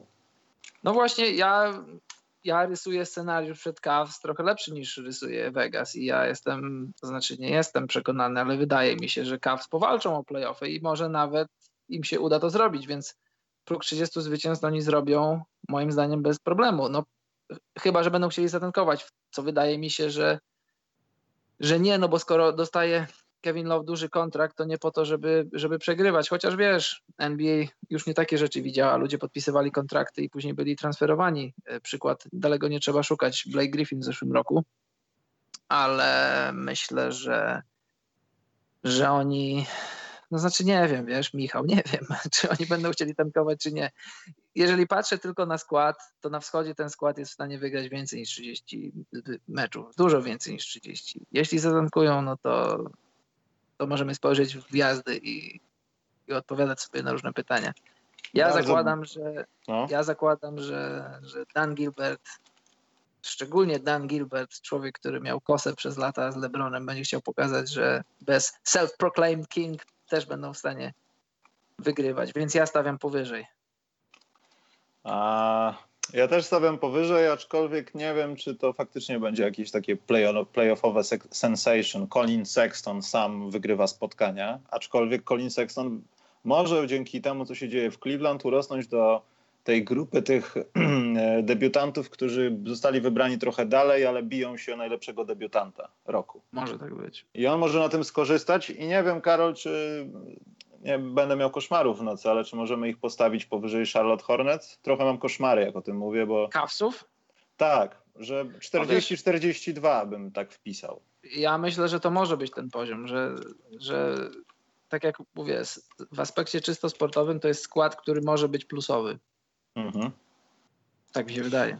Dobrze, więc naszej tymczasowej tabeli wrzucam tutaj na razie po Bostonie jest kropeczka, wiadomo, przecież to, bo się zrobiła dziura tektoniczna. E, tak to na razie wygląda. E, dobrze, alfabetycznie to mamy teraz ze wschodu Detroit Pistons. Detroit I, Pistons. I zobacz, i to jest kłamstwo historii. No Las Vegas daje dwa zwycięstwa więcej od Cleveland, a nie wiem, czy Detroit jest w stanie wykonać ten plan w zasadzie jak Nawet... dwa? O siedem. O siedem? No, no to no zobacz. A, dobra, bo miałem 35. Nie, sorry. Źle przekleiłem. Okej, okej, okej, okej. E, Vegas daje 37,5 zwycięstwa Detroit. Rok temu wygrali 39. I jak dla mnie to jest jeden z. No, jeśli w sporcie można mówić o jakichś pewniakach, to dla mnie to jest pewniak na, na powyżej. E, wierzę w to, że Reggie Jackson w końcu będzie zdrowy. Wierzę w to, że wspólnie przepracowane lato i obóz treningowy Blake'a Griffina i Andre Drummonda dużo im da i wierzę w to, że Dwayne Casey da trochę nowej jakości tej drużynie i też to jest taki sam case jak, jak Phoenix, Phoenix, którego nie omawialiśmy jeszcze, no bo, no bo Zachód będziemy omawiać innym razem, ale to jest taki sam case. Ta drużyna, ta fan baza potrzebuje zwycięstw. Oni nie potrzebują żadnego kombinowania, żadnego grania o nie wiem co. Oni po prostu potrzebują tylko i wyłącznie zwycięstw. Brzmi to prosto, ale tak to jest. Bardzo często proste rozwiązania są najskuteczniejsze. Pamiętacie, że w ostatnich latach, jeśli oglądaliście mecze Pistons, aż żal patrzeć, jakie pustki świecą w, w hali Detroit. I oni muszą, oni muszą po prostu dobrze grać, bo, bo wiesz co, wydaje mi się, że jeśli tak to potrwa jeszcze przez 2-3 lata, to, to, to Pistons mogą zniknąć z mapy NBA, no bo, no bo jednak kibice to jest, to jest coś, co sprawia, że drużyny działają, że, że się rozwijają, bo pieniądze kibiców to jest coś. Ale widzisz, Detroit to jest też taki, no, takie miasto, że tych pieniędzy po prostu nie ma. To miasto przypomina dalej zrujnowaną strefę wojny niż e, twój zakątek, gdzie się wychowałeś. Wiesz, tam różnice między kompletną biedą, głodem i bezdomnością są ulice obok, są wieżowce, jest normalne życie. To wygląda naprawdę jak jakaś wojna na Bałkanach. No to jest akurat prawda i dla, wiesz, ciężko Dlatego tam nie ma no, ludzi. Że wiesz, ludzie no. będą przychodzili na mecze, jak tak jak mówisz, y, rozboje, ubóstwo, bezrobocie, to, to są rzeczy, z którymi Detroit od ładnych paru lat się, się styka. Ja to rozumiem, ja to oczywiście, że rozumiem, ale w takich realiach, a nie innych, ta drużyna naprawdę jest, y, jest w dużym kłopocie i, i oni naprawdę potrzebują zwycięstw. Tym bardziej, że ta drużyna nie jest tania Blake Griffin ma duży kontrakt, Drummond ma duży kontrakt, Reggie Jackson też ma niemały. Jeżeli ta trójka nie zacznie wygrywać pod nowym trenerem w nowym rozdaniu, to będzie trzeba się kogoś pozbyć. A, a wiesz, chętnych na Blake'a Griffina może nie być, na Reggie'ego Jacksona też nie. Więc ja stawiam powyżej, bo okoliczności pchają tę drużynę do tego, żeby się spiąć i zacząć wygrywać. E, ja Detroit wiem, tutaj to propsuje pewnie u Maćka Staszewskiego, chociaż on ma pewnie Detroit na drugim albo trzecim miejscu w konferencji wschodniej. Rozumiem i szanuję, ale tak nie będzie. Dałbym im 50% takie zdrowe, ze wskazaniem, że może być jedno, dwa spotkania powyżej, ale to jest ósme miejsce na, na wschodzie. To jest chyba ostatni zespół razem z Cleveland, może i Charlotte, który będzie bił się o playoffy. Reszta to jest już chyba tanking zone, ale jeszcze nie byliśmy chyba u tych. Chociaż nie, jeszcze nam jedna ekipa została, która może przejąć ten show na wschodzie. E, także ja bym dał Karol e, Detroit 41-41. Możesz się teraz A, kłócić. Kłócić się nie będę, tylko powiem ci, że ja akurat w swoim prywatnym rankingu mam ich trochę wyżej, nawet 45, może nawet 46 meczów. Ja mam na, na takim, takim naprędce zrobionym, jeszcze będę go modyfikował i analizował e, składzie ósemki na wschodzie. Mam Mam ich w tym momencie na szóstym miejscu. Mam, mam Celtics, Raptors, Sixers, Pacers, Bucks i właśnie na szóstym mam Pistons przed Wizards i Heat. Z tym, że ta ostatnia czwórka, trójka to jest jeszcze do zastanowienia się i do modyfikacji, ale. Dobrze, to nie nadaje im jeszcze miejsca, poczekamy. Dobrze, nie, nie nadaje im miejsca tak wstępnie, dlatego mówię wstępnie. Dla mnie tych 37,5 zwycięstwa to jest niedoszacowanie, bo jeśli Pistons będą zdrowi, to, to to dlaczego mieliby nie wygrywać? Dobrze, to niech ci będzie. 43 im dam. Dobrze. Tak niech zostanie. E, jedno, co chciałbym powiedzieć na temat Detroit, to chciałbym, żeby na koniec dnia, to nie dlatego, że tam jakieś dzieci w kosza czegoś uczę, e, żeby trener nie był największą wartością całej drużyny, bo zawodnicy są do dupy. Blake Griffin już chyba nie będzie takim kocurem, którym był kiedyś, bo przyzwyczailiśmy się do tego, że gdzieś w listopadzie albo w grudniu jego biodro jedzie sobie do ciepłych krajów, e, bo to się dzieje praktycznie co roku, albo inna część ciała. I nie chcę mówić, że się sypie, już nic z niego nie będzie, ale będzie musiał poważnie w pewnym momencie zastanowić się nad mm, zmienieniem swojego sposobu gry, jak to zwykle bywa. No, trochę no on już go trochę wcześniej... zmienił w ostatnich tak, latach. Tak, nie, no jest w trakcie oczywiście, ale żeby to był już taki zakończony etap, jak gdyby. To, co wykonał Vince Carter, tak? kiedy no, już wiedział, że ten moment moich lotów się zbliża do końca, dalej o tym wie i dlatego oszczędnie muszę dbać o swoje ciało i przede wszystkim nie dostać kontuzji. Po drugie, no, nawet nie starać się niszczyć kosza za którymś razem, bo ktoś pomoże mi się z tych młodych chłopaków pojawić pod koszem, tylko rzucić gdzieś z dystansu. I Blake Griffin musi musi solidnie na tym popracować, bo ja to jestem pewien, nie to, że źle mu życzę, ale że jakaś kontuzja jeszcze mu się przyprawi, przytrafi, no bo to jest trochę gość z porcelany i w tym jest największy kłopot. I nie chciałbym, żeby Dwayne Casey był najlepszym zawodnikiem tej drużyny na koniec sezonu, wiesz. Bo to by źle świadczyło, no to już był w ogóle cios taki trumienny trochę, no. A z nowymi agentami wolnymi w Detroit może być naprawdę ciężko. To prawda. No i no to tak jak ja powiedziałem, to w takim pesymistycznym scenariuszu tam się też może wiele nie udać, ale tak patrząc zdrowo, po, pozytywnie, czysto sportowo, e, tam nie stoi nic na przeszkodzie, żeby ta drużyna wygrywała. Kropka. A co się wydarzy, to się wydarzy. Jak, jak, jak wiadomo, dużo różnych rzeczy może, może mieć kolosalną, kolosalne znaczenie dla sezonu, o których my nie wiemy, no bo po prostu nie jesteśmy w stanie wiedzieć. Jasne. E, dobra, co mamy następnego? Wpisuję 43-39. Indiana. O, Indiana to będzie bardzo ciekawy zespół. Jest bardzo ciekawy zespół, bo też linia jest bardzo ciekawa. Vegas daje 47,5 zwycięstwa. Pacers wygrali rok temu 48 meczów. I hmm. tak, e, do drużyny doszedł Trevor Booker, bardzo solidny zawodnik, Trek Evans, też solidny zawodnik i jeszcze ktoś, o kim teraz nie pamiętam, przypomnij mi, chyba że tylko tych dwóch z takich znaczących postaci. Chyba tych dwóch z tych znaczących postaci. No, kto tam się jeszcze pojawił na miłość boską? A, Doug McDermott. No to znaczących postaci, Karol. No, y, ja wierzę w to, że, że, że wiesz, Doug McDermott jest strzelcem. On potrzebuje przede wszystkim spokoju i pewnych minut w rotacji i nie tego, że jak nie trafi dwóch trójek y, z rzędu, to wsiądzie na ławkę. I myślę, że, znaczy myślę, spodziewam się, że w końcu w Indianie to, to, to osiągnie. I ten typ jest dla mnie taki trochę, taki trochę, trzymałbym się z niego, trzymałbym się niego z daleka, bo Pacers wygrali 48 meczów w zeszłym sezonie. Moim zdaniem to było troszkę przewartościowanie tego, jak, ile warta była rzeczywiście ta drużyna. No, wakacje się trochę wzmocniła, bo i Booker, i Evans, i Madermot to są, no może może nie on, ten ostatni, ale i Evans i, i, Evans i, i kto? I Booker. To są zawodnicy, którzy sprawdzili się w lidze, którzy na pewno, na pewno wniosą jakąś tam nową jakość do rotacji Pacers, ale myślę, że często z drużynami bywa tak, że jak, że jak w jednym sezonie zaskakują i wygrywają sporo meczów, to w kolejnym roku, kiedy spodziewasz się że zrobią krok do przodu, to oni z różnych przyczyn tego kroku nie robią. I myślę, że, znaczy nie życzę im tego, ale wydaje mi się, że Spacers może tak być.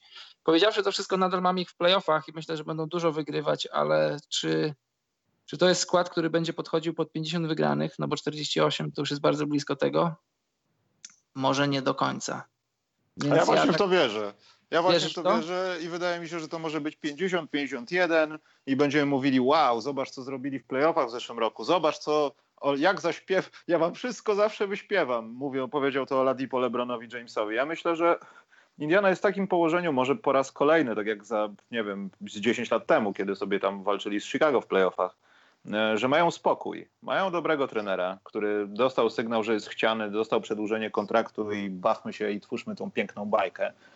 Masz skład, który nie za wiele się zmienił, ale chyba nie aż tak bardzo, żeby nie przypominać tej no, zgranej paczki ludzi, którzy znikąd przyszli i pokazali Lebronowi, że my możemy grać w kosza z tobą i Oladipo gra pierwsze skrzypce. Ja nie wiem, co z tymi skojarzeniami od muzyki mam z nim, ale no, bo lubi śpiewać.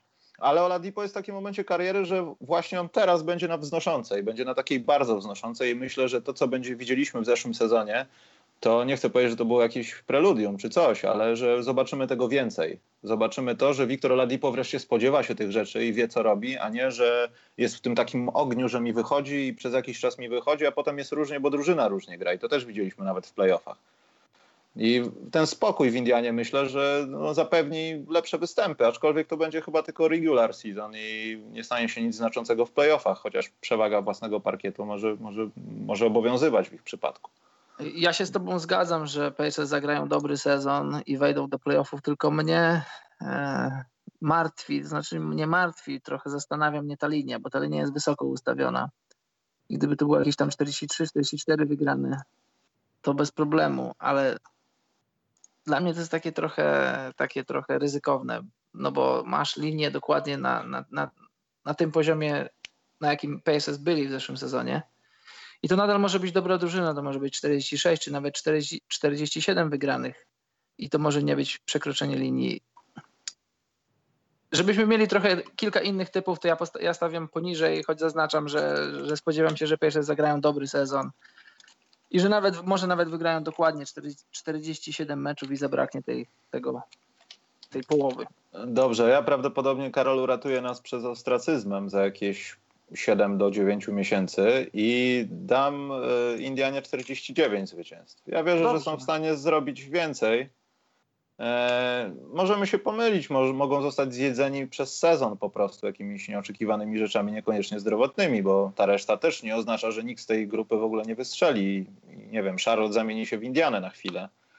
E, ale dałbym im 49-33 i niewielką podwyżkę tej linii bym im zaoferował, bo jeszcze tak patrząc ile oni mieli w zeszłym 48, no to nie, myślę, tak. że myślę, że są w stanie wykonać progres. Pamiętajmy o tym, że z tej grupy no, Cleveland się wykruszyło i ktoś musi być ten czwarty. I Indiana myślę, że jeszcze z jedną ekipą, która nieoczekiwanie może wmieszać się do walki, ja co roku wierzę w to na Makera, yy, może też tutaj namieszać. Więc ja daję 49-33, ale bez miejsca, bo jak skończymy tabelę, to to podsumujemy. E, dobra, Karol, bo już jesteśmy z godzinę, więc może po prostu Dobrze. E, i tak mało zostało, ale możemy przyspieszyć. Możemy. Co nam zostało ze wschodu? Miami mamy, Heat chyba. Mamy Miami Heat. Vegas no. daje linię 41,5 zwycięstwa, a rok temu Heat wygrali 44 mecze. Zaskakująco trzeba dodać. Zaskakująco trzeba dodać i ja mam poniżej, bo Heat nie wykonali latem żadnych spektakularnych ruchów. I tak jak mówisz, te 44 wygrane sprzed roku, to jak dla mnie to było trochę przewartościowanie tego, czym hit w rzeczywistości byli. Teraz biorąc pod uwagę fakt, że nie dodali nikogo znaczącego, biorąc pod uwagę fakt, że jeśli Dwayne Wade wróci, to będzie o rok starszy, to ten skład nie powala na kolana, nawet na wschodzie choć z drugiej strony ta linia 40 tylko 1,5 wygranych to, to, to, to, też nie jest jakiś kosmos i sam coaching Erika Spoelstry i może jakieś ruchy kadrowe w trakcie sezonu Paterileja może sprawią, że, że ten sezon będzie jednak dobry w wykonaniu Miami. To myślę, że jeśli porównasz te 44 wygrane sprzed roku do tej linii, którą masz tutaj z tej sytuacji, są raptem 2-3 wygrane, to może o tych właśnie trzy, o tych właśnie kilka meczów ta drużyna była przewartościowana. Tak mi się wydaje. Ciężko powiedzieć, wiesz, bo, bo to jednak jest Miami, to jest jednak dobra organizacja.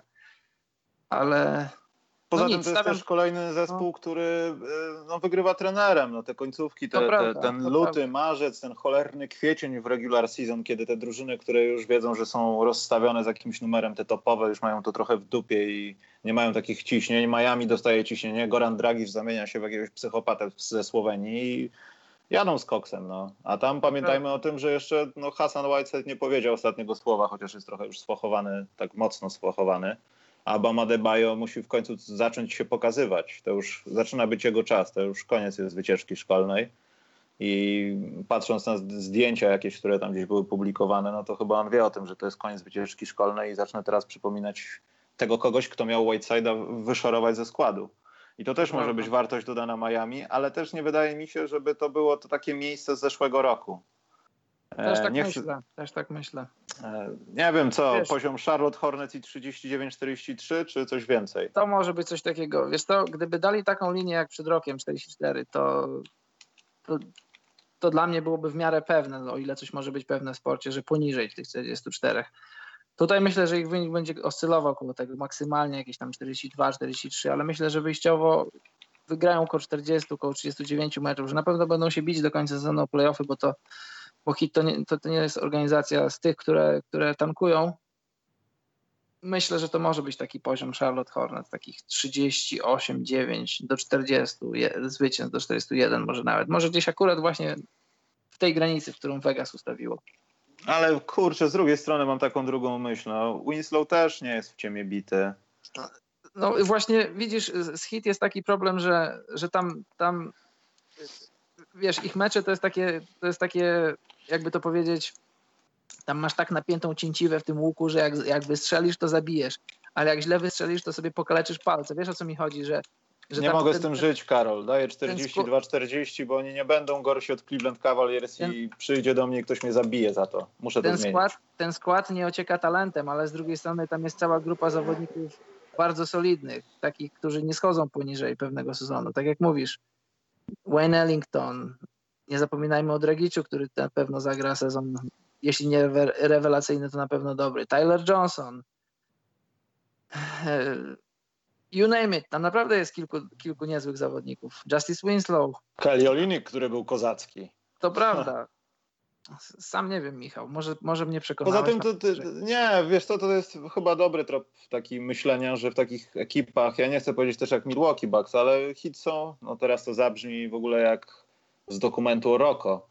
E, głębocy. naprawdę nie, mają wiesz co, ale tak naprawdę co, brak rację. jakichś takich znaczących nazwisk, wiesz, ja wiem, Dragic nazwisk, brak nazwisk, ale tak naprawdę mogą rzucić każdego i każdy dzięki Spolestrze dopasowuje się do tego systemu, a system wynika z tego, jak gra przeciwnik, a nie my wjeżdżamy systemem, że mamy takich i takich graczy, będziemy grać tak i tak, bo wy macie tych i tych graczy. Więc Spolestra świetnie się dostosowuje do tego szajsu, który teraz się dzieje, tu teraz, wiesz, jak generał na wojnie, no wszystko jest rozplanowane, ale ktoś z krzaków wyskoczył. Nie, masz rację, przekonałeś mnie, bo y, ten skład nie ma super jakichś tam gwiazd, ale to jest, to jest naprawdę solidny kolektyw, dobrze zarządzany i na, na słabym wschodzie wygrać raptem o jedno zwycięstwo więcej, być nad kreską, to, to nie jest aż taka wielka filozofia. Próg jest naprawdę nisko ustawiony. Masz rację, ja zgadzam się. Powyżej 41 zwycięstw. Więcej niż 41 zwycięstw. Dobrze, dałem 42-40. Też dlatego, że lubię swoje szyby. E, dobrze, więc jedziemy dalej i jesteśmy chyba w mojej ulubionej drużynie przez jednego zawodnika, Milwaukee Bucks. 46,5 tak. E, przez Las Vegas. Tak, 46,5 zwycięstw przez Las Vegas, rok temu 44. 47 wygranych meczów to jest trochę, to jest dużo i niedużo. Jak weźmiesz pod uwagę, że w Bucks masz, e, że twoim drugim najlepszym zawodnikiem jest Chris Middleton, a trzecim kto? Eric Bledsoe? Może. No właśnie, to, to tak jakbyś wymagał od tego, że tak jakbyś wymagał od Janisa, żeby zagrał sezon na poziomie MVP, i wszystko inne wydarzyło się po, po twojej myśli. Wprawdzie jest nowy trener Mike Budenholzer, e, wprawdzie jest zdrowy Malcolm Brogdon, prawdopodobnie, bo zeszły sezon miał usiany kontuzjami. To ja myślę, że tych 47 wygranych to nie jest aż tak mało. I ja daję poniżej. Mimo wszystko, mimo, to, mimo wszystko, mimo to, że wierzę, że, że Janis zagra najlepszy sezon w swojej karierze, jak do tej pory czynił, z roku na rok był coraz lepszy i też myślę, że, że w tym roku pokaże się po wakacjach z czymś nowym, to myślę, że ten skład, żeby dociągnąć do blisko 50 zwycięstw, a 47, jak matematyka sugeruje, jest blisko 50, nie będzie łatwo zrobić nawet jemu. A jeśli dodasz do tego, że ktoś może dostać kontuzji, a może dostać, bo i, bo i Middleton, i Bledsoe to nie, są, to nie są ludzie z żelaza, to może być ciężko Bucksom. Spodziewam się, że do playoffów wejdą, będą plusową drużyną, szczególnie pod nowym trenerem, ale 46,5 to jest próg dosyć wysoko zawieszony i może oni wygrają, tak jak rok temu, 44 mecze, 45. Więc ja stawiam poniżej. Ale to jest taki trochę eee. śmierdzący typ. To jest też śmierdzący typ, ale też nie chcę wyjść jak jakaś psychofanka, ale z drugiej strony E, czy też grupis, ale wystarczy popatrzeć, jak wygląda Giannis Antetokounmpo podczas pracy w, w wakacje. E, Tonmaker też wygląda lepiej. Ja na razie mówię o fizyczności, a w przypadku tych dwóch zawodników no, kilogramy mogą się przydać, zwłaszcza to na Makera. Pomijając to, że te 3 kilogramy trzeba będzie jakoś wykorzystać i to też nie będzie jakiś super znaczący gracz. Ale na pewno będą dalej, jak to, był, jak to, jak to było zawsze, no, mimo że Jabarego Parkera już nie ma, no, to jest strasznie długi zespół. Z Hensonem oni mogą naprawdę robić w dalszym ciągu te same rzeczy, a mając jeszcze silniejszego Antetokumpo, w sensie nawet fizycznym, który wiemy, co potrafił robić w zeszłym sezonie z ludźmi, którzy mają ustawione nazwisko w NBA, myślę, że to będzie taki ten wulkan na, na razie tam dymił, teraz będzie wybuch, zacznie lawa lecieć i będziemy widzieli w końcu Antetokumpo, który jest w takim no już naprawdę poważnym stadium niszczenia ludzi. To już nie będzie to, że sobie będzie tam zdobywał 47 punktów, następnego dnia 35, a w trzecim meczu gdzieś zgaśnie, bo nie będzie kolegów. On będzie to robił cały czas i to będzie bardzo groźne dla Milwaukee, bo niedługo trzeba będzie z nim rozmawiać o nowym kontrakcie. A a odejście Parkera myślę, że mogło zostawić plamę. Odejście i sposób załatwienia sprawy z Jasonem Kidem też mogło zostawić plamę. Na koniec dnia on mówi, że nie chce grać w jakimś dużym mieście, bo lubię takie miejsca i tak dalej, ale wiadomo, każdemu się zmienia. Kevin Durant, LeBron James i tak dalej. I to też jest groźne, ale w dalszej perspektywie. Poza tym oni się zaopatrzyli w takich ludzi jak, nie wiem, no, Dante DiVincenzo. To jestem bardzo ciekaw tego zawodnika. Jeśli będzie pasował w taki sposób, yy, nie wiem, myśli szkoleniowej w Milwaukee, no to naprawdę to będzie kolejny gość, którego trzeba będzie mocno kryć i to będzie taki Malcolm Brogdon, wiesz, nie wiadomo kto to jest, ale włoił nam 15 punktów. Ja się z tobą do... zgadzam. Ja, no. się, ja się z tobą zgadzam. Na pewno Janis zagra dobry sezon, tylko ja to porównuję tak. E, w zeszłym roku Cavs wygrali 50 meczów, a LeBron zagrał jeden ze swoich najlepszych sezonów w karierze i teraz bierzesz Janisa i bierzesz LeBrona i wszystko resztę, co masz w obu składach I czy, czy Kevin Love, J.R. Smith i cała ta reszta, która przewinęła się przez szatnie Cavs w zeszłym sezonie, no bo pamiętamy też był trade no, ostatniego dnia wymiany. Jeśli to porównasz do tego składu, który, który, mają, który, który mają teraz Bucks, to jest coś porównywalnego, ja bym powiedział. I teraz, czy, czy Janis zagra tak dobry sezon, jak dobry sezon zagrał LeBron w zeszłym sezonie?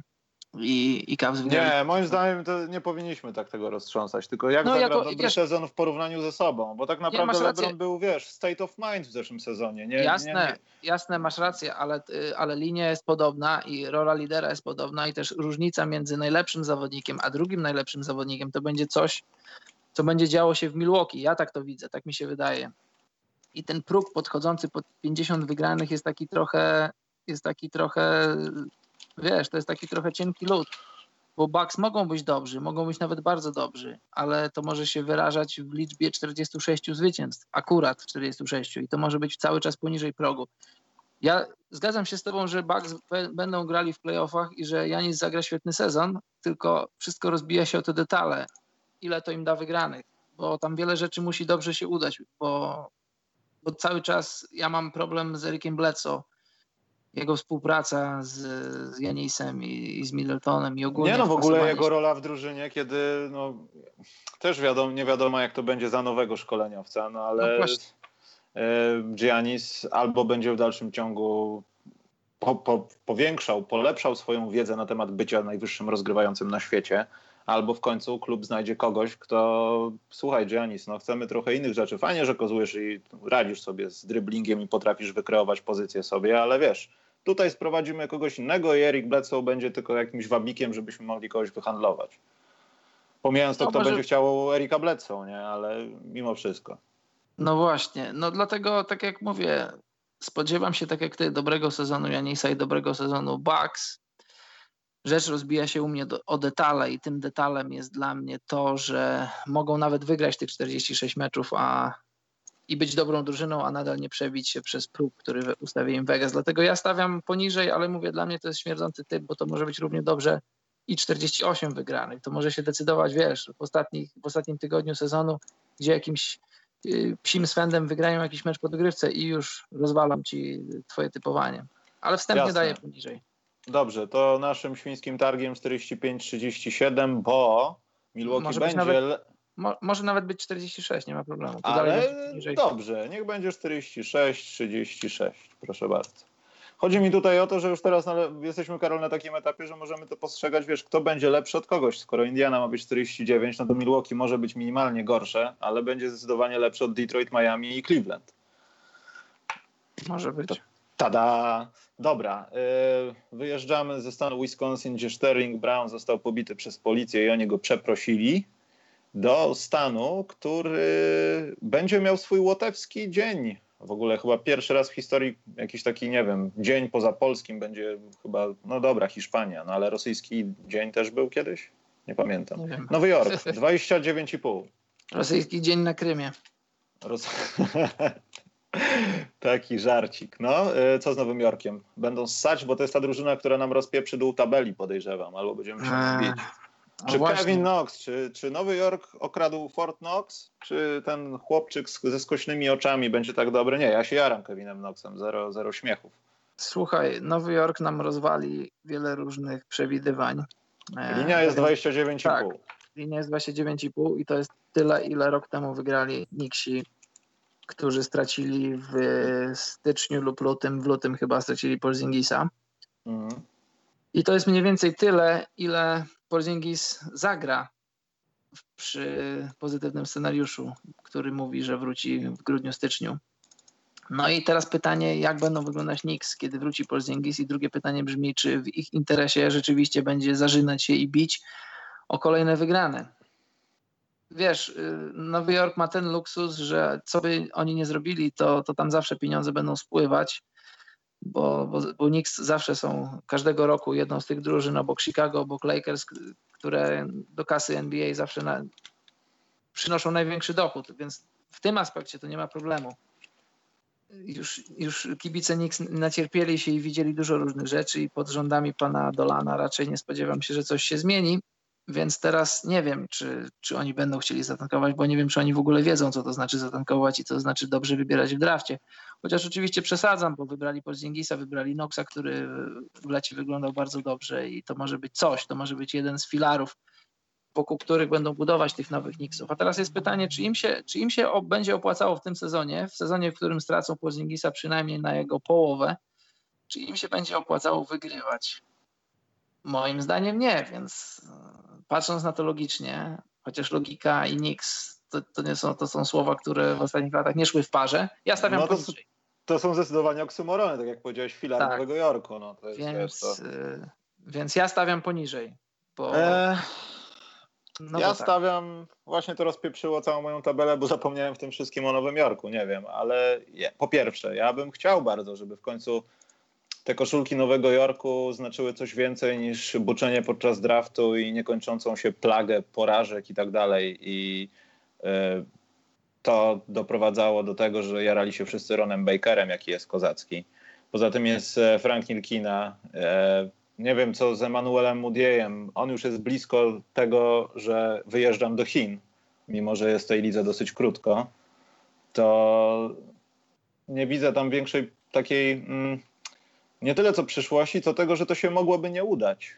Tylko, że zawsze u nich coś się nie udaje i to jest najgorsze. Bo tak patrząc w ten skład na papierze, no to naprawdę nie ma się jak gdyby czego poważnie obawiać, jeśli, jeśli rozmawiamy o tym, żeby być gdzieś tam na miejscach nawet 10, 12, a nie na dole tabeli. I wygrać więcej niż 30 spotkań. Tutaj masz 100% racji, tylko jest teraz pytanie, jeśli jesteś organizacją i podchodzisz do tego sezonu czy dla ciebie będzie mieć na koniec rozgrywek znaczenie, czy wygrałeś 35 meczów, czy wygrałeś 31, jeśli weźmiesz pod uwagę to, że ta, ta różnica tych kilku wygranych może cię mocno przesunąć w tych ciepłych piłeczkach po kolejny draft, jeśli weźmiesz pod uwagę to, że nie zagrasz w playoffach, no raczej na 99% w nich nie zagrasz, że twój najlepszy zawodnik straci połowę tych rozgrywek, to czy w twoim najlepszym interesie nie byłoby wygrać właśnie jak najmniej meczów. Jasne, masz rację, bo ten skład naprawdę jest ciekawy. Po, po wielu latach Niksi mają bardzo młody i bardzo ciekawy skład, dobrego trenera i to będzie przypadek podobny do Atlanty. Będą ogrywać młodych ludzi, ci młodzi ludzie mogą bardzo dobrze wyglądać, ale na koniec to się nie będzie przekładać na zwycięstwa, co w ogólnym rozrachunku będzie nawet i w interesie Knicksów, bo wiesz, y, ludzie będą przychodzić na mecze, będą oglądać tych młodych ludzi, bo oni będą robić 20 punktów, 10 zbiórek i tego typu rzeczy. Ich akcje będą oglądane w highlightach co wieczór ale nikt się będą przegrywać i tak ludzie nie będą niezadowoleni, bo będą wiedzieli, że, że to jest rok przejściowy i dobre rzeczy mogą się wydarzyć w kolejnym roku. Tak mi się wydaje. Dlatego Dobra. ja daję poniżej. Poniżej. A ja myślę, Karol, żeby przestać być pesymistą, nie zrobić takiego myku, że Nowy Jork jednak będzie lepszy o jedno, dwa zwycięstwa od Chicago, ale może przed nim, żeby dojść do poziomu Charlotte Hornet. No bo tak na chłopski rozum sam Krista Porzingis wygrywa wszystkie spotkania przeciwko Brooklynowi, Orlando i Atlancie, jak dobrze pójdzie. E, licząc na to, że nawet są po cztery w sezonie te spotkania. Czyli no on tak, sam ale... wygra im 10 spotkań z zespołami potencjalnie gorszymi od nich, jeśli będzie zdrowy. Samodzielnie, ale... bez nikogo więcej. Jeżeli Porzingis zagra w 40 meczach, czyli w połowie sezonu, e, jeżeli przez 10 meczów będzie potrzebował złapać, e, zrzucić rdze z nóg, to może się okazać, że takim Porzingisem, jakiego znamy, na 20-10 to będzie w 15 meczach, z których Nixi nawet jeśli będą na plus i wygrają 8 czy 9, to nadal może nie być, wiesz, to nawet nadal może nie być wystarczająco dużo, żeby przekroczyć próg. No, ja, ja tak to widzę, mogę się pomylić, bo tak jak mówisz, ten skład jest młody, ciekawy i, i może być niezły, ale gdybym był Nixami, to grałbym ciekawie, spektakularnie, ale meczów bym nie wygrywał za wszelką cenę. Hmm. Nie wiem, teraz mam poważny kłopot patrząc na to, co zrobiliśmy do tej pory, bo wypadałoby faktycznie dać Nowy Jork na przedostatnim miejscu i zaoferować im te 27 zwycięstw. Ale mimo wszystko, biorąc pod uwagę ich perspektywę, dałbym im nawet 31. Dobrze, Karol, posłuchałeś no ja daję... mnie raz, to ja się posłucham ciebie drugi raz. Damy ich za Orlando Magic 27 zwycięstw. Czy 28 nawet. No dobrze, niech będzie 28. W każdym razie poniżej progu. Mhm. To właśnie tego jestem, wiem, że ten Nowy Jork jest nieważny, ale tego jestem najmniej pewien, bo na koniec dnia się okaże, że zobaczysz. Oni wypalą, Frank Nilkina się obudzi, powie przepraszam wszystkim, żartowałem. Nie, dobra, niech będzie. E, co mamy jeszcze, Karol, w garnuszku? Orlando omówiliśmy, teraz mamy Filadelfię. Filadelfia. Tak, Filadelfia. Vegas daje próg 54,5 wygranej. Rok temu 76ers wygrali 52 mecze. I jeśli mogę mówić pierwszy, to jak dla mnie ten próg jest bardzo zawyżony i też, wydaje mi, się, i też wydaje mi się, że te 52 mecze, które 76ers wygrali rok temu, to było delikatnie powyżej ich możliwości i potencjału, znaczy możliwości nie, no bo to osiągnęli, ale to było to delikatne przewartościowanie tego, kim byli 76ers na tamten moment, więc ja stawiam poniżej i też to jest tak jak w przypadku Indiany i tak jak paru innych drużyn, Milwaukee na przykład. Spodziewam się, że oni zagrają bardzo dobry sezon, ale też to powiedziałem w przypadku Indiany. Być dobrą drużyną w jednym roku, a powtórzyć ten sukces i pójść o krok dalej w kolejnym roku, to jest, to jest, to jest duży problem i to jest coś, co na przestrzeni lat w historii NBA wielu drużynom się nie udawało. E, powiedziawszy to wszystko, ja cały czas uważam, że Philadelphia zagra dobry sezon, że będzie drużyną playoffową, że może nawet będzie, poczyni progres w porównaniu z rokiem poprzednim, ale próg 54 wygranych to jest, to jest duży próg. To jest raptem trzy zwycięstwa mniej niż ma, niż ma Boston. Ja stawiam poniżej i to mogą być nawet 54 mecze. Nawet niech wygrają tych 54, te 54 mecze i zobacz, to jest naprawdę dużo meczów wygranych. Więc y, jest margines błędu. Poprzeczka jest zawieszona, zawieszona wysoko i tylko dlatego stawiam poniżej, bo ta poprzeczka moim zdaniem jest troszkę za wysoko. Tym bardziej biorąc pod uwagę ruchy kadrowe Filadelfii z, z wakacji. Nie powalają na kolana, mają Wilsona Chandlera, ale nie, nie wzmocnili się o kogoś, kto skłaniałby mnie ku temu, bym, bym pomyślał, że ta drużyna weszła na kolejny poziom. Ja myślę, że to będzie mniej więcej ten sam poziom co rok temu i to będzie mniej niż 55 wygranych.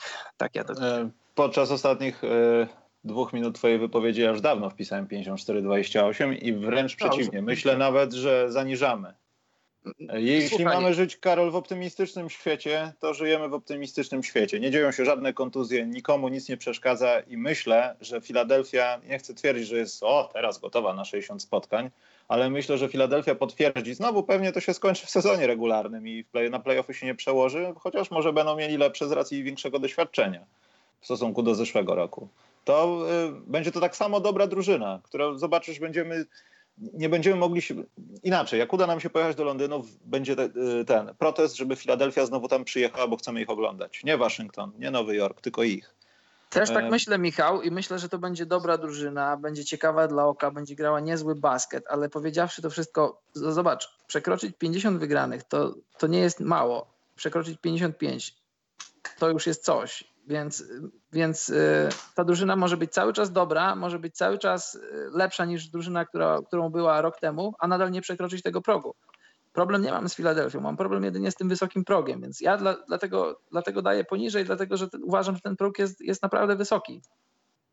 Gdyby to było 49,5, koło 50, to, to, to raczej bez problemu dałbym powyżej.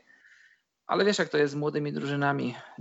Może zagrać, może nie zagrać. Spodziewam się, jasne, spodziewam się, że Ben Simmons zrobi progres. Wierzę w to, że Joel Embiid będzie zdrowy, bo nikomu nie życzę kontuzji.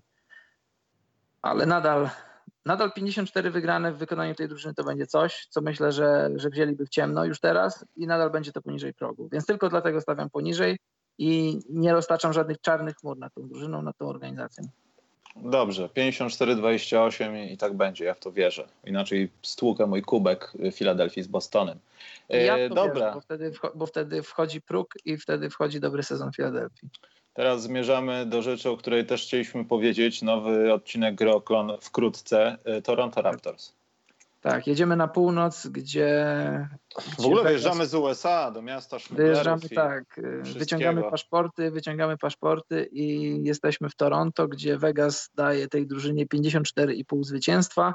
Rok temu Raptors wygrali 59. Nie wygrają 59, choćby skały srały, brzydko mówiąc. Dobrze. No to jak ty to widzisz, Michał? Ja widzę to tak, że Toronto dalej będzie tym takim zespołem, pomijając to Kała i myślę, że Kała się świetnie jakoś zaadoptuje, będzie nawet robił lepszą minę do złej gry. E, natomiast Toronto będzie na takim poziomie tych zwycięstw nieszczęsnych i bilansu jak Filadelfia trochę.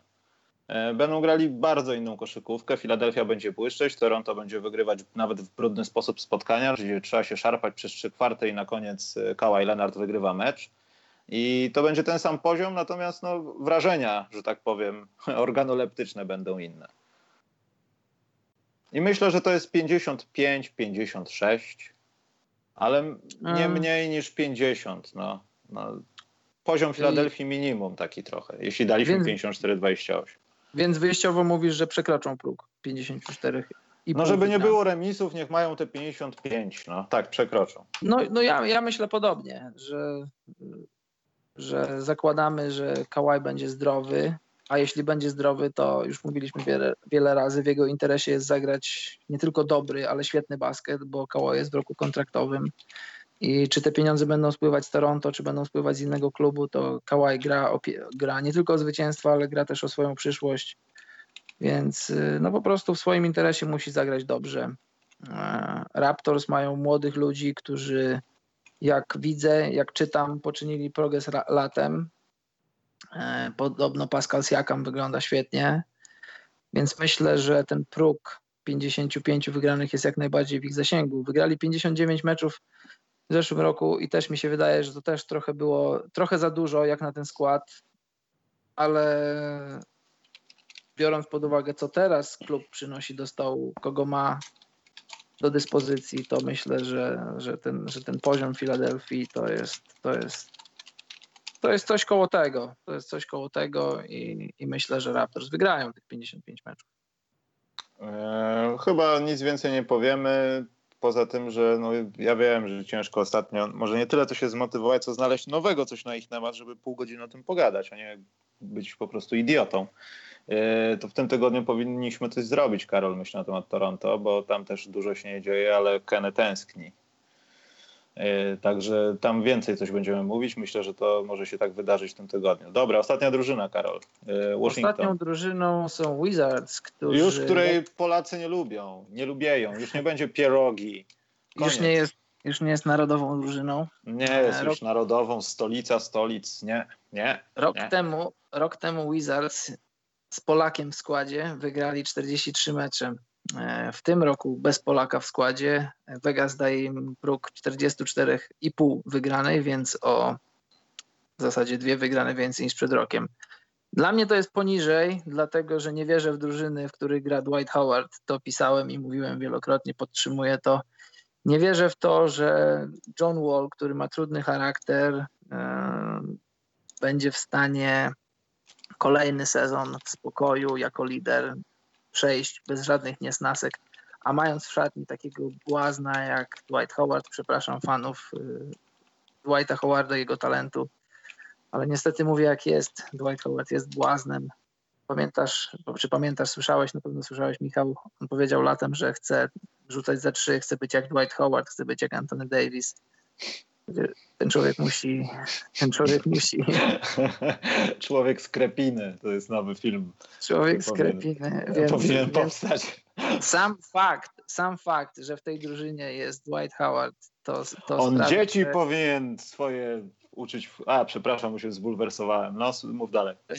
To sam fakt, że Howard jest w jakiejś drużynie, to sprawia, że jaka linia by nie była ustalana przez Mukmacherów, daje poniżej.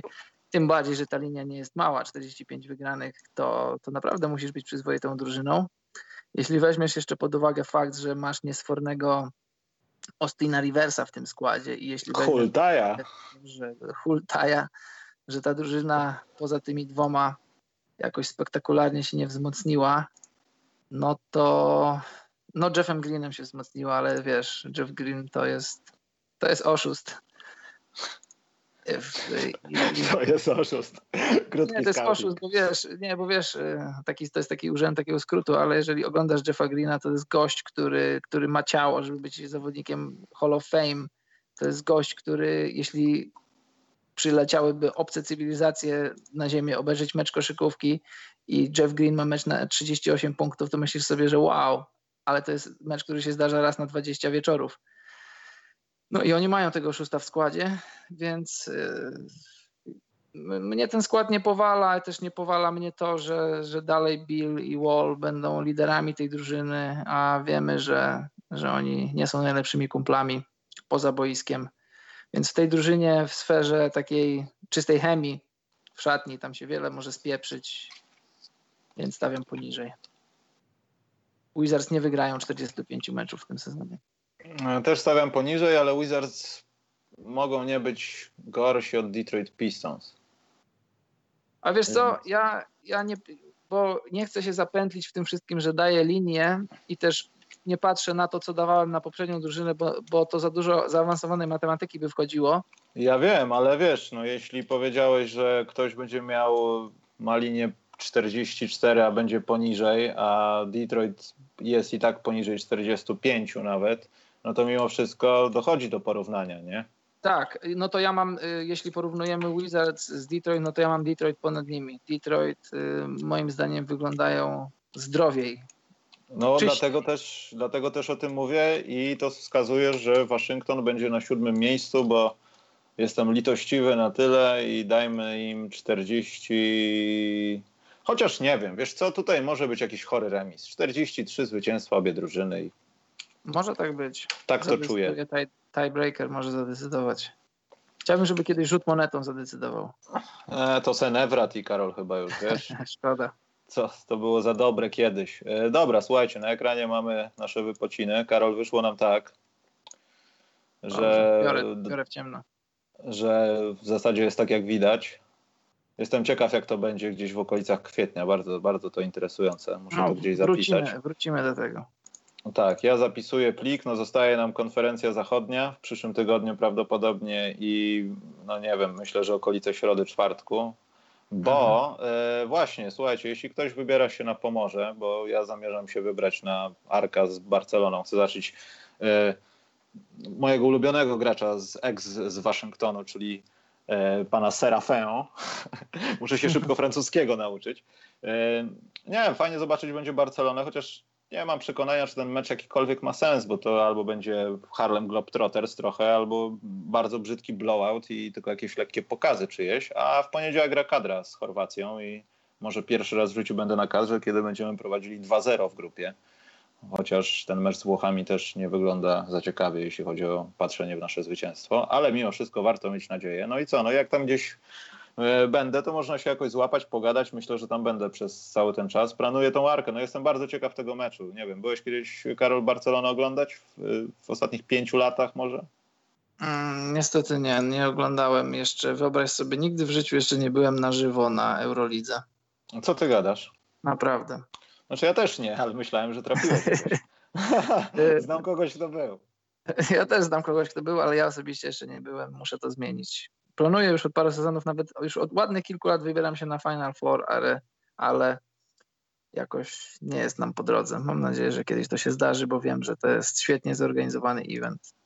Nie, eee, wiesz, to że, to, że, to, że nie byłem na żadnym meczu Euroligi, to, to, to, nie, to nie, że ja coś mam do Euroligi, bo Euroliga jest świetną organizacją, gra się świetnie w koszykówkę, to ja nie, nic, nie, nic, nic złego nie mówię na temat Euroligi. Po prostu jakoś nie było nam po drodze, ale mam nadzieję, że to się zmieni w najbliższej przyszłości. Dobra, y, tradycyjny sektor pytania do nas y, otwieram. E, Maciek, nie wiem kiedy, ale właśnie chyba się skończyło, bo tam jakieś pozwy sądowe straszne poszły, że ludzie nie byli świadomi tego, jak byli mocno wkręcani. No właśnie, widzisz, to jest to, co mówiliśmy ostatnim razem, że to jest taki trochę film, który, znaczy film, serial, który ludzie biorą za dokument, czy paradokument, a on nim nie jest. I ludziom się wydawało, że biorą udział w czymś e, zabawnym, satyrycznym, a później się okazuje, że, że zostali przedstawieni tak, jak zostali. Mm, to prawda. E, dobra, Karol, dajmy jeszcze 5 minut. Może ktoś ma coś frapującego, żeby nas zapytać, a jak nie, to lecimy. To się ulatniamy. To się ulatniamy. To czekając na pytania, które może się pojawią, a może się nie pojawią, to e, no. hot take sprzed minuty jest taki, że Russell Westbrook przeszedł już operację artroskopową prawego kolana i będzie przebadany, czy będzie re-evaluated za, za 4 tygodnie. I to, jest, I to jest news, Michał, bo za 4 tygodnie to będziemy mieli, jak dobrze liczę, około 10, środa 10 października, a Thunder zaczynają sezon 16. Więc mhm. wiesz, jeśli wszystko pójdzie dobrze, no to Russell zagra, jeśli nie, to wiesz, to jest zawsze kolano, to, to ludzie... Nie, ludzie mówią, no ale to Melo uratuje wszystkich, przecież Melo jest ekstra graczem i w ogóle seks. No ale Melo, no tak, tylko że Melo gra w Houston, to ciężko będzie mu ratować Thunder. Maciek jest po operacji, jak coś, to rozmawialiśmy o tym na początku w newsikach, także jak się skończy stream, to sobie przewiń albo sobie tam sprawdź na iTunesie. Tak. A, właśnie, to jest pytanie do Was, bo ja nie zdążyłem nawet zasięgnąć opinii na Twitterze, a nie rozmawiałem z ludźmi z NBA. Może Ty, Karol, też coś wiesz na ten temat. Byłem zainteresowany tym, czy już można kupić League Passa na nowy sezon i owszem, można. Tylko nie wiem, czy system pokazuje poprzedni sezon, czy nowy sezon. Tam jest napisane 18-19, to prawda, ale jest tylko opcja wykupu miesięcznego i to we wszystkich strefach, że tak powiem, monetarnych. To samo jest z dolarami, z euro, ze złotówkami. Jest tylko opcja wykupu miesięcznego. W tej najwyższej opcji, zresztą innych opcji nie ma. E, Także nie wiem, nie wiem o co krótko, chodzi. nie wiem. Też, też nie wiem, nie będę oszukiwał. Bo może się już nie dać kupić na cały sezon, co byłoby głupie no, ze strony NBA, bo tam zawsze parę złotych, parę dolarów, parę czegoś tam dało się obciąć, no bo kupowałeś hurtem te tam 6-7 miesięcy. No i to nie była przyjemna kwota dla jednorazowego przelewu. 500-700 zł, zależnie od kiedy, kiedy to było, bo różne ceny były, ale zastanawiające mocno. Wojtek, bo ten, Karol oskarżono nas, że znowu są na plusie tak, ekipy. Tak, ale wiesz, ale to, to, jest, to jest taki zawsze argument ludzi, którzy e, to jest prawda ekranu. W tych liniach, nie siedzą w tych liniach Vegas i w tym obstawianiu. To wszystko zależy od tego, to wszystko zależy od tego, jakie są linie i jak Vegas to ustawia, bo może tak być i to nie jest żaden problem, żeby nagle wszystkie drużyny na koniec sezonu miały powyżej tego progu, który by im, był im przedstawiany na początku rozgrywek. Y, to się nie kłóci matematycznie i to się w żaden inny sposób nie kłóci, bo nie ma problemu, żeby na przykład Raptors wygrali 55 meczów, a Philadelphia 50, 50 tam powiedzmy 4 czy 5, czyli drużyny wchodzą powyżej progu, który Vegas im, im y, przewidywało na rozpoczęcie rozgrywek i, i, to nie ma w tym żadnego konfliktu.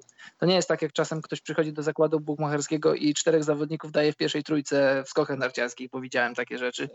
Porządek, to, jak w koniach. Tak, to tutaj Wojtek, no co ci, cóż ci mogę powiedzieć, to wszystko zależy od linii. Ja akurat, znaczy chwaląc się, może nie chwaląc, bo, bo wiesz, dla niektórych zakłady bukmacherskie to jest coś, co, co, co nie jest powód do chwalenia. No ja też uważam, że nie jest do chwalenia, też nie uważam, żeby to był powód do, do tego, żeby być jakimś, no, żeby, żeby się wstydzić. Ale liniami na sezon zajmuję się od, ja wiem, 15, 16 lat. Pamiętam, że, że w roku, nie wiem, 2003-2004 już obstawiałem linie długoterminowe, miałem takie zeszyty, w których tam zapisywałem zwycięstwa drużyn, więc... Tony Montana zajmował się liniami przez 7 lat, a potem umarł. Taki żart. Więc e, Karol. No to ja, ja już mam więcej lat. Nie, ale tak poważnie. E, w zeszłym sezonie Wojtek też. Kurczę, trzeba byłoby znaleźć gdzieś jakieś przewidywania z sezonu na sezon, ten, który się No ja na przykład, ja, ja, zawsze wrzucam na swój blog, to jest zawsze, to jest łatwe do sprawdzenia. Chodzi mi o to, że dużo osób, znaczy dużo osób, dużo eksperckich jakichś, no mówię o zagranicznych głównie, ESPN i tak dalej, pokazywało, że tam co, pięć, os, pięć ekip będzie na plusie, reszta może będzie na zero, a duża część na minusie i się okazało, że wcale tak nie jest. Sezon się skończył z ośmioma ekipami powyżej progu 50% i Detroit może i Charlotte aż tak daleko nie było 10 czy tam 9 spotkań do tego, żeby ten próg osiągnąć, więc to było dużo roku, więcej. W zeszłym roku na przykład bookmacherzy dawali Warriors linię 69 wygranych, ja postawiłem poniżej. E, Charlotte Hornets dawali 45 lub 6, dałem poniżej. Brooklynowi dawali chyba 26 lub 27, dałem powyżej, co weszło. Przegrałem na jednej rzeczy, przegrałem na, przejechałem się na Oklahomie. Na Oklahomę dawali 49 czy około 50 wygranych. Ja myślałem, że ten skład e, będzie dobry. No i był dobry do, do pewnego momentu, dobrze bronił ale później stracił Andre Robertsona, mieli też taki trochę słaby początek sezonu i to, to była rzecz, która, która mnie przejechała, bo miałem to na kilku różnych zakładach. Ale generalnie w skali, w skali całej mojej działalności na liniach to udaje mi się odpukać, nie chwaląc się raz na jakiś czas, wygrywać. Dobrze, Karol, może opracujemy taki system i będziemy sprzedawali książkę, wiesz, jak, jak wygrać 60% spotkań u Bookmachera. Wiesz, mój, kasę mój, tip, mój tip jest taki, wybierasz powiedzmy dwie, trzy drużyny, łączysz i, i stawiasz, nie, żeby nie, nie, nie wrzucać zbyt wielu drużyn na jeden zakład, bo wiadomo, że gdzieś tam może coś ci się powinąć, noga, że coś może nie zagrać w sezonie, rzeczy, których nie jesteśmy w stanie przewidzieć, zdrowie. Poza tym też powiedziałeś o tym takim elemencie, wiesz, no, że no, granie i tak dalej, to no wiadomo, no to też jest jedna z jakichś chorób tych nowoczesnych, że ludzie się uzależniają od tego. Ale o czym mówię? No ci tak. eksperci, którzy liczą te linie analitycy i w ogóle te w zasadzie no już skrypty komputerowe i algorytmy, które wszystko ogarniają, są też oparte na prawdzie, w sensie na tym, co się stanie, co się może stać. To też jest poniekąd no, brane z jakiejś eksperckiej oceny i podsumowania tego, co ten zespół ma wobec innych zespołów i oni biorą pod uwagę, dlaczego Embiid jest lepszy, nie wiem, od kogokolwiek innego w lidze. Jasne, i, tak i, tego dalej, nie robi, no. i tego nie robi pan Janek, tylko to, to, robi, to robią algorytmy zaawansowane komputerowe, tak jak czasami, nie wiem jak bardzo nasi słuchacze są zainteresowani zakładami sportowymi, ale jeśli są mecze, które dzieją się live i masz, masz linię, e, ile dane drużyny zdobędą punktów w czasie kwarty, w czasie połowy, to jeśli to śledzicie, to zazwyczaj, zazwyczaj te linie oscylują wokół tego, co się rzeczywiście wydarza i później zastanawiasz się, jak oni to robią. To, to, to, to jeszcze raz, to nie robi jakiś tam pan z wąsem, tylko to robią zaawansowane programy. Na jakiej podstawie to wyciągają? No, różnych zmiennych, których ja nie znam, ale wiem, że są to programy skuteczne. A co najważniejsze, oni muszą działać tak, żeby też nie przegrywać pieniędzy. Więc one no, muszą być jak tak najbardziej miarodajne, żebyśmy nie poszli w plecy z interesem, bo Las Vegas no. lubi przegrywać, bo musi zarabiać pieniążki. I to no. wszystko. Dobra, Karol, bo zaraz będziemy musieli zrobić jakiś taki, wiesz, nielegalny, bo w Polsce to jest chyba jeszcze nie do końca legalne. Taki styl, nie, no w Polsce jest legalne pod warunkiem, że zakład bukmacherski, z którego usług korzystasz, ma, swoją naziemną, ma swoje naziemne biuro w Polsce. No to prawda, no ale to też powoduje to, że no niestety, no dla mnie porównanie to jest też inny bookmacher, z którego już chyba dawno nie korzystałem, bo tam jakieś sytuacje wyszły takie, że nie dostali pozwolenia na operowanie w Polsce. Jest to chyba Unibet, tak, Unibet, e, który no zawsze miał bardzo dobre przeliczniki, przeliczniki w porównaniu z, no nie wiem, z Fortuną czy z STS-em.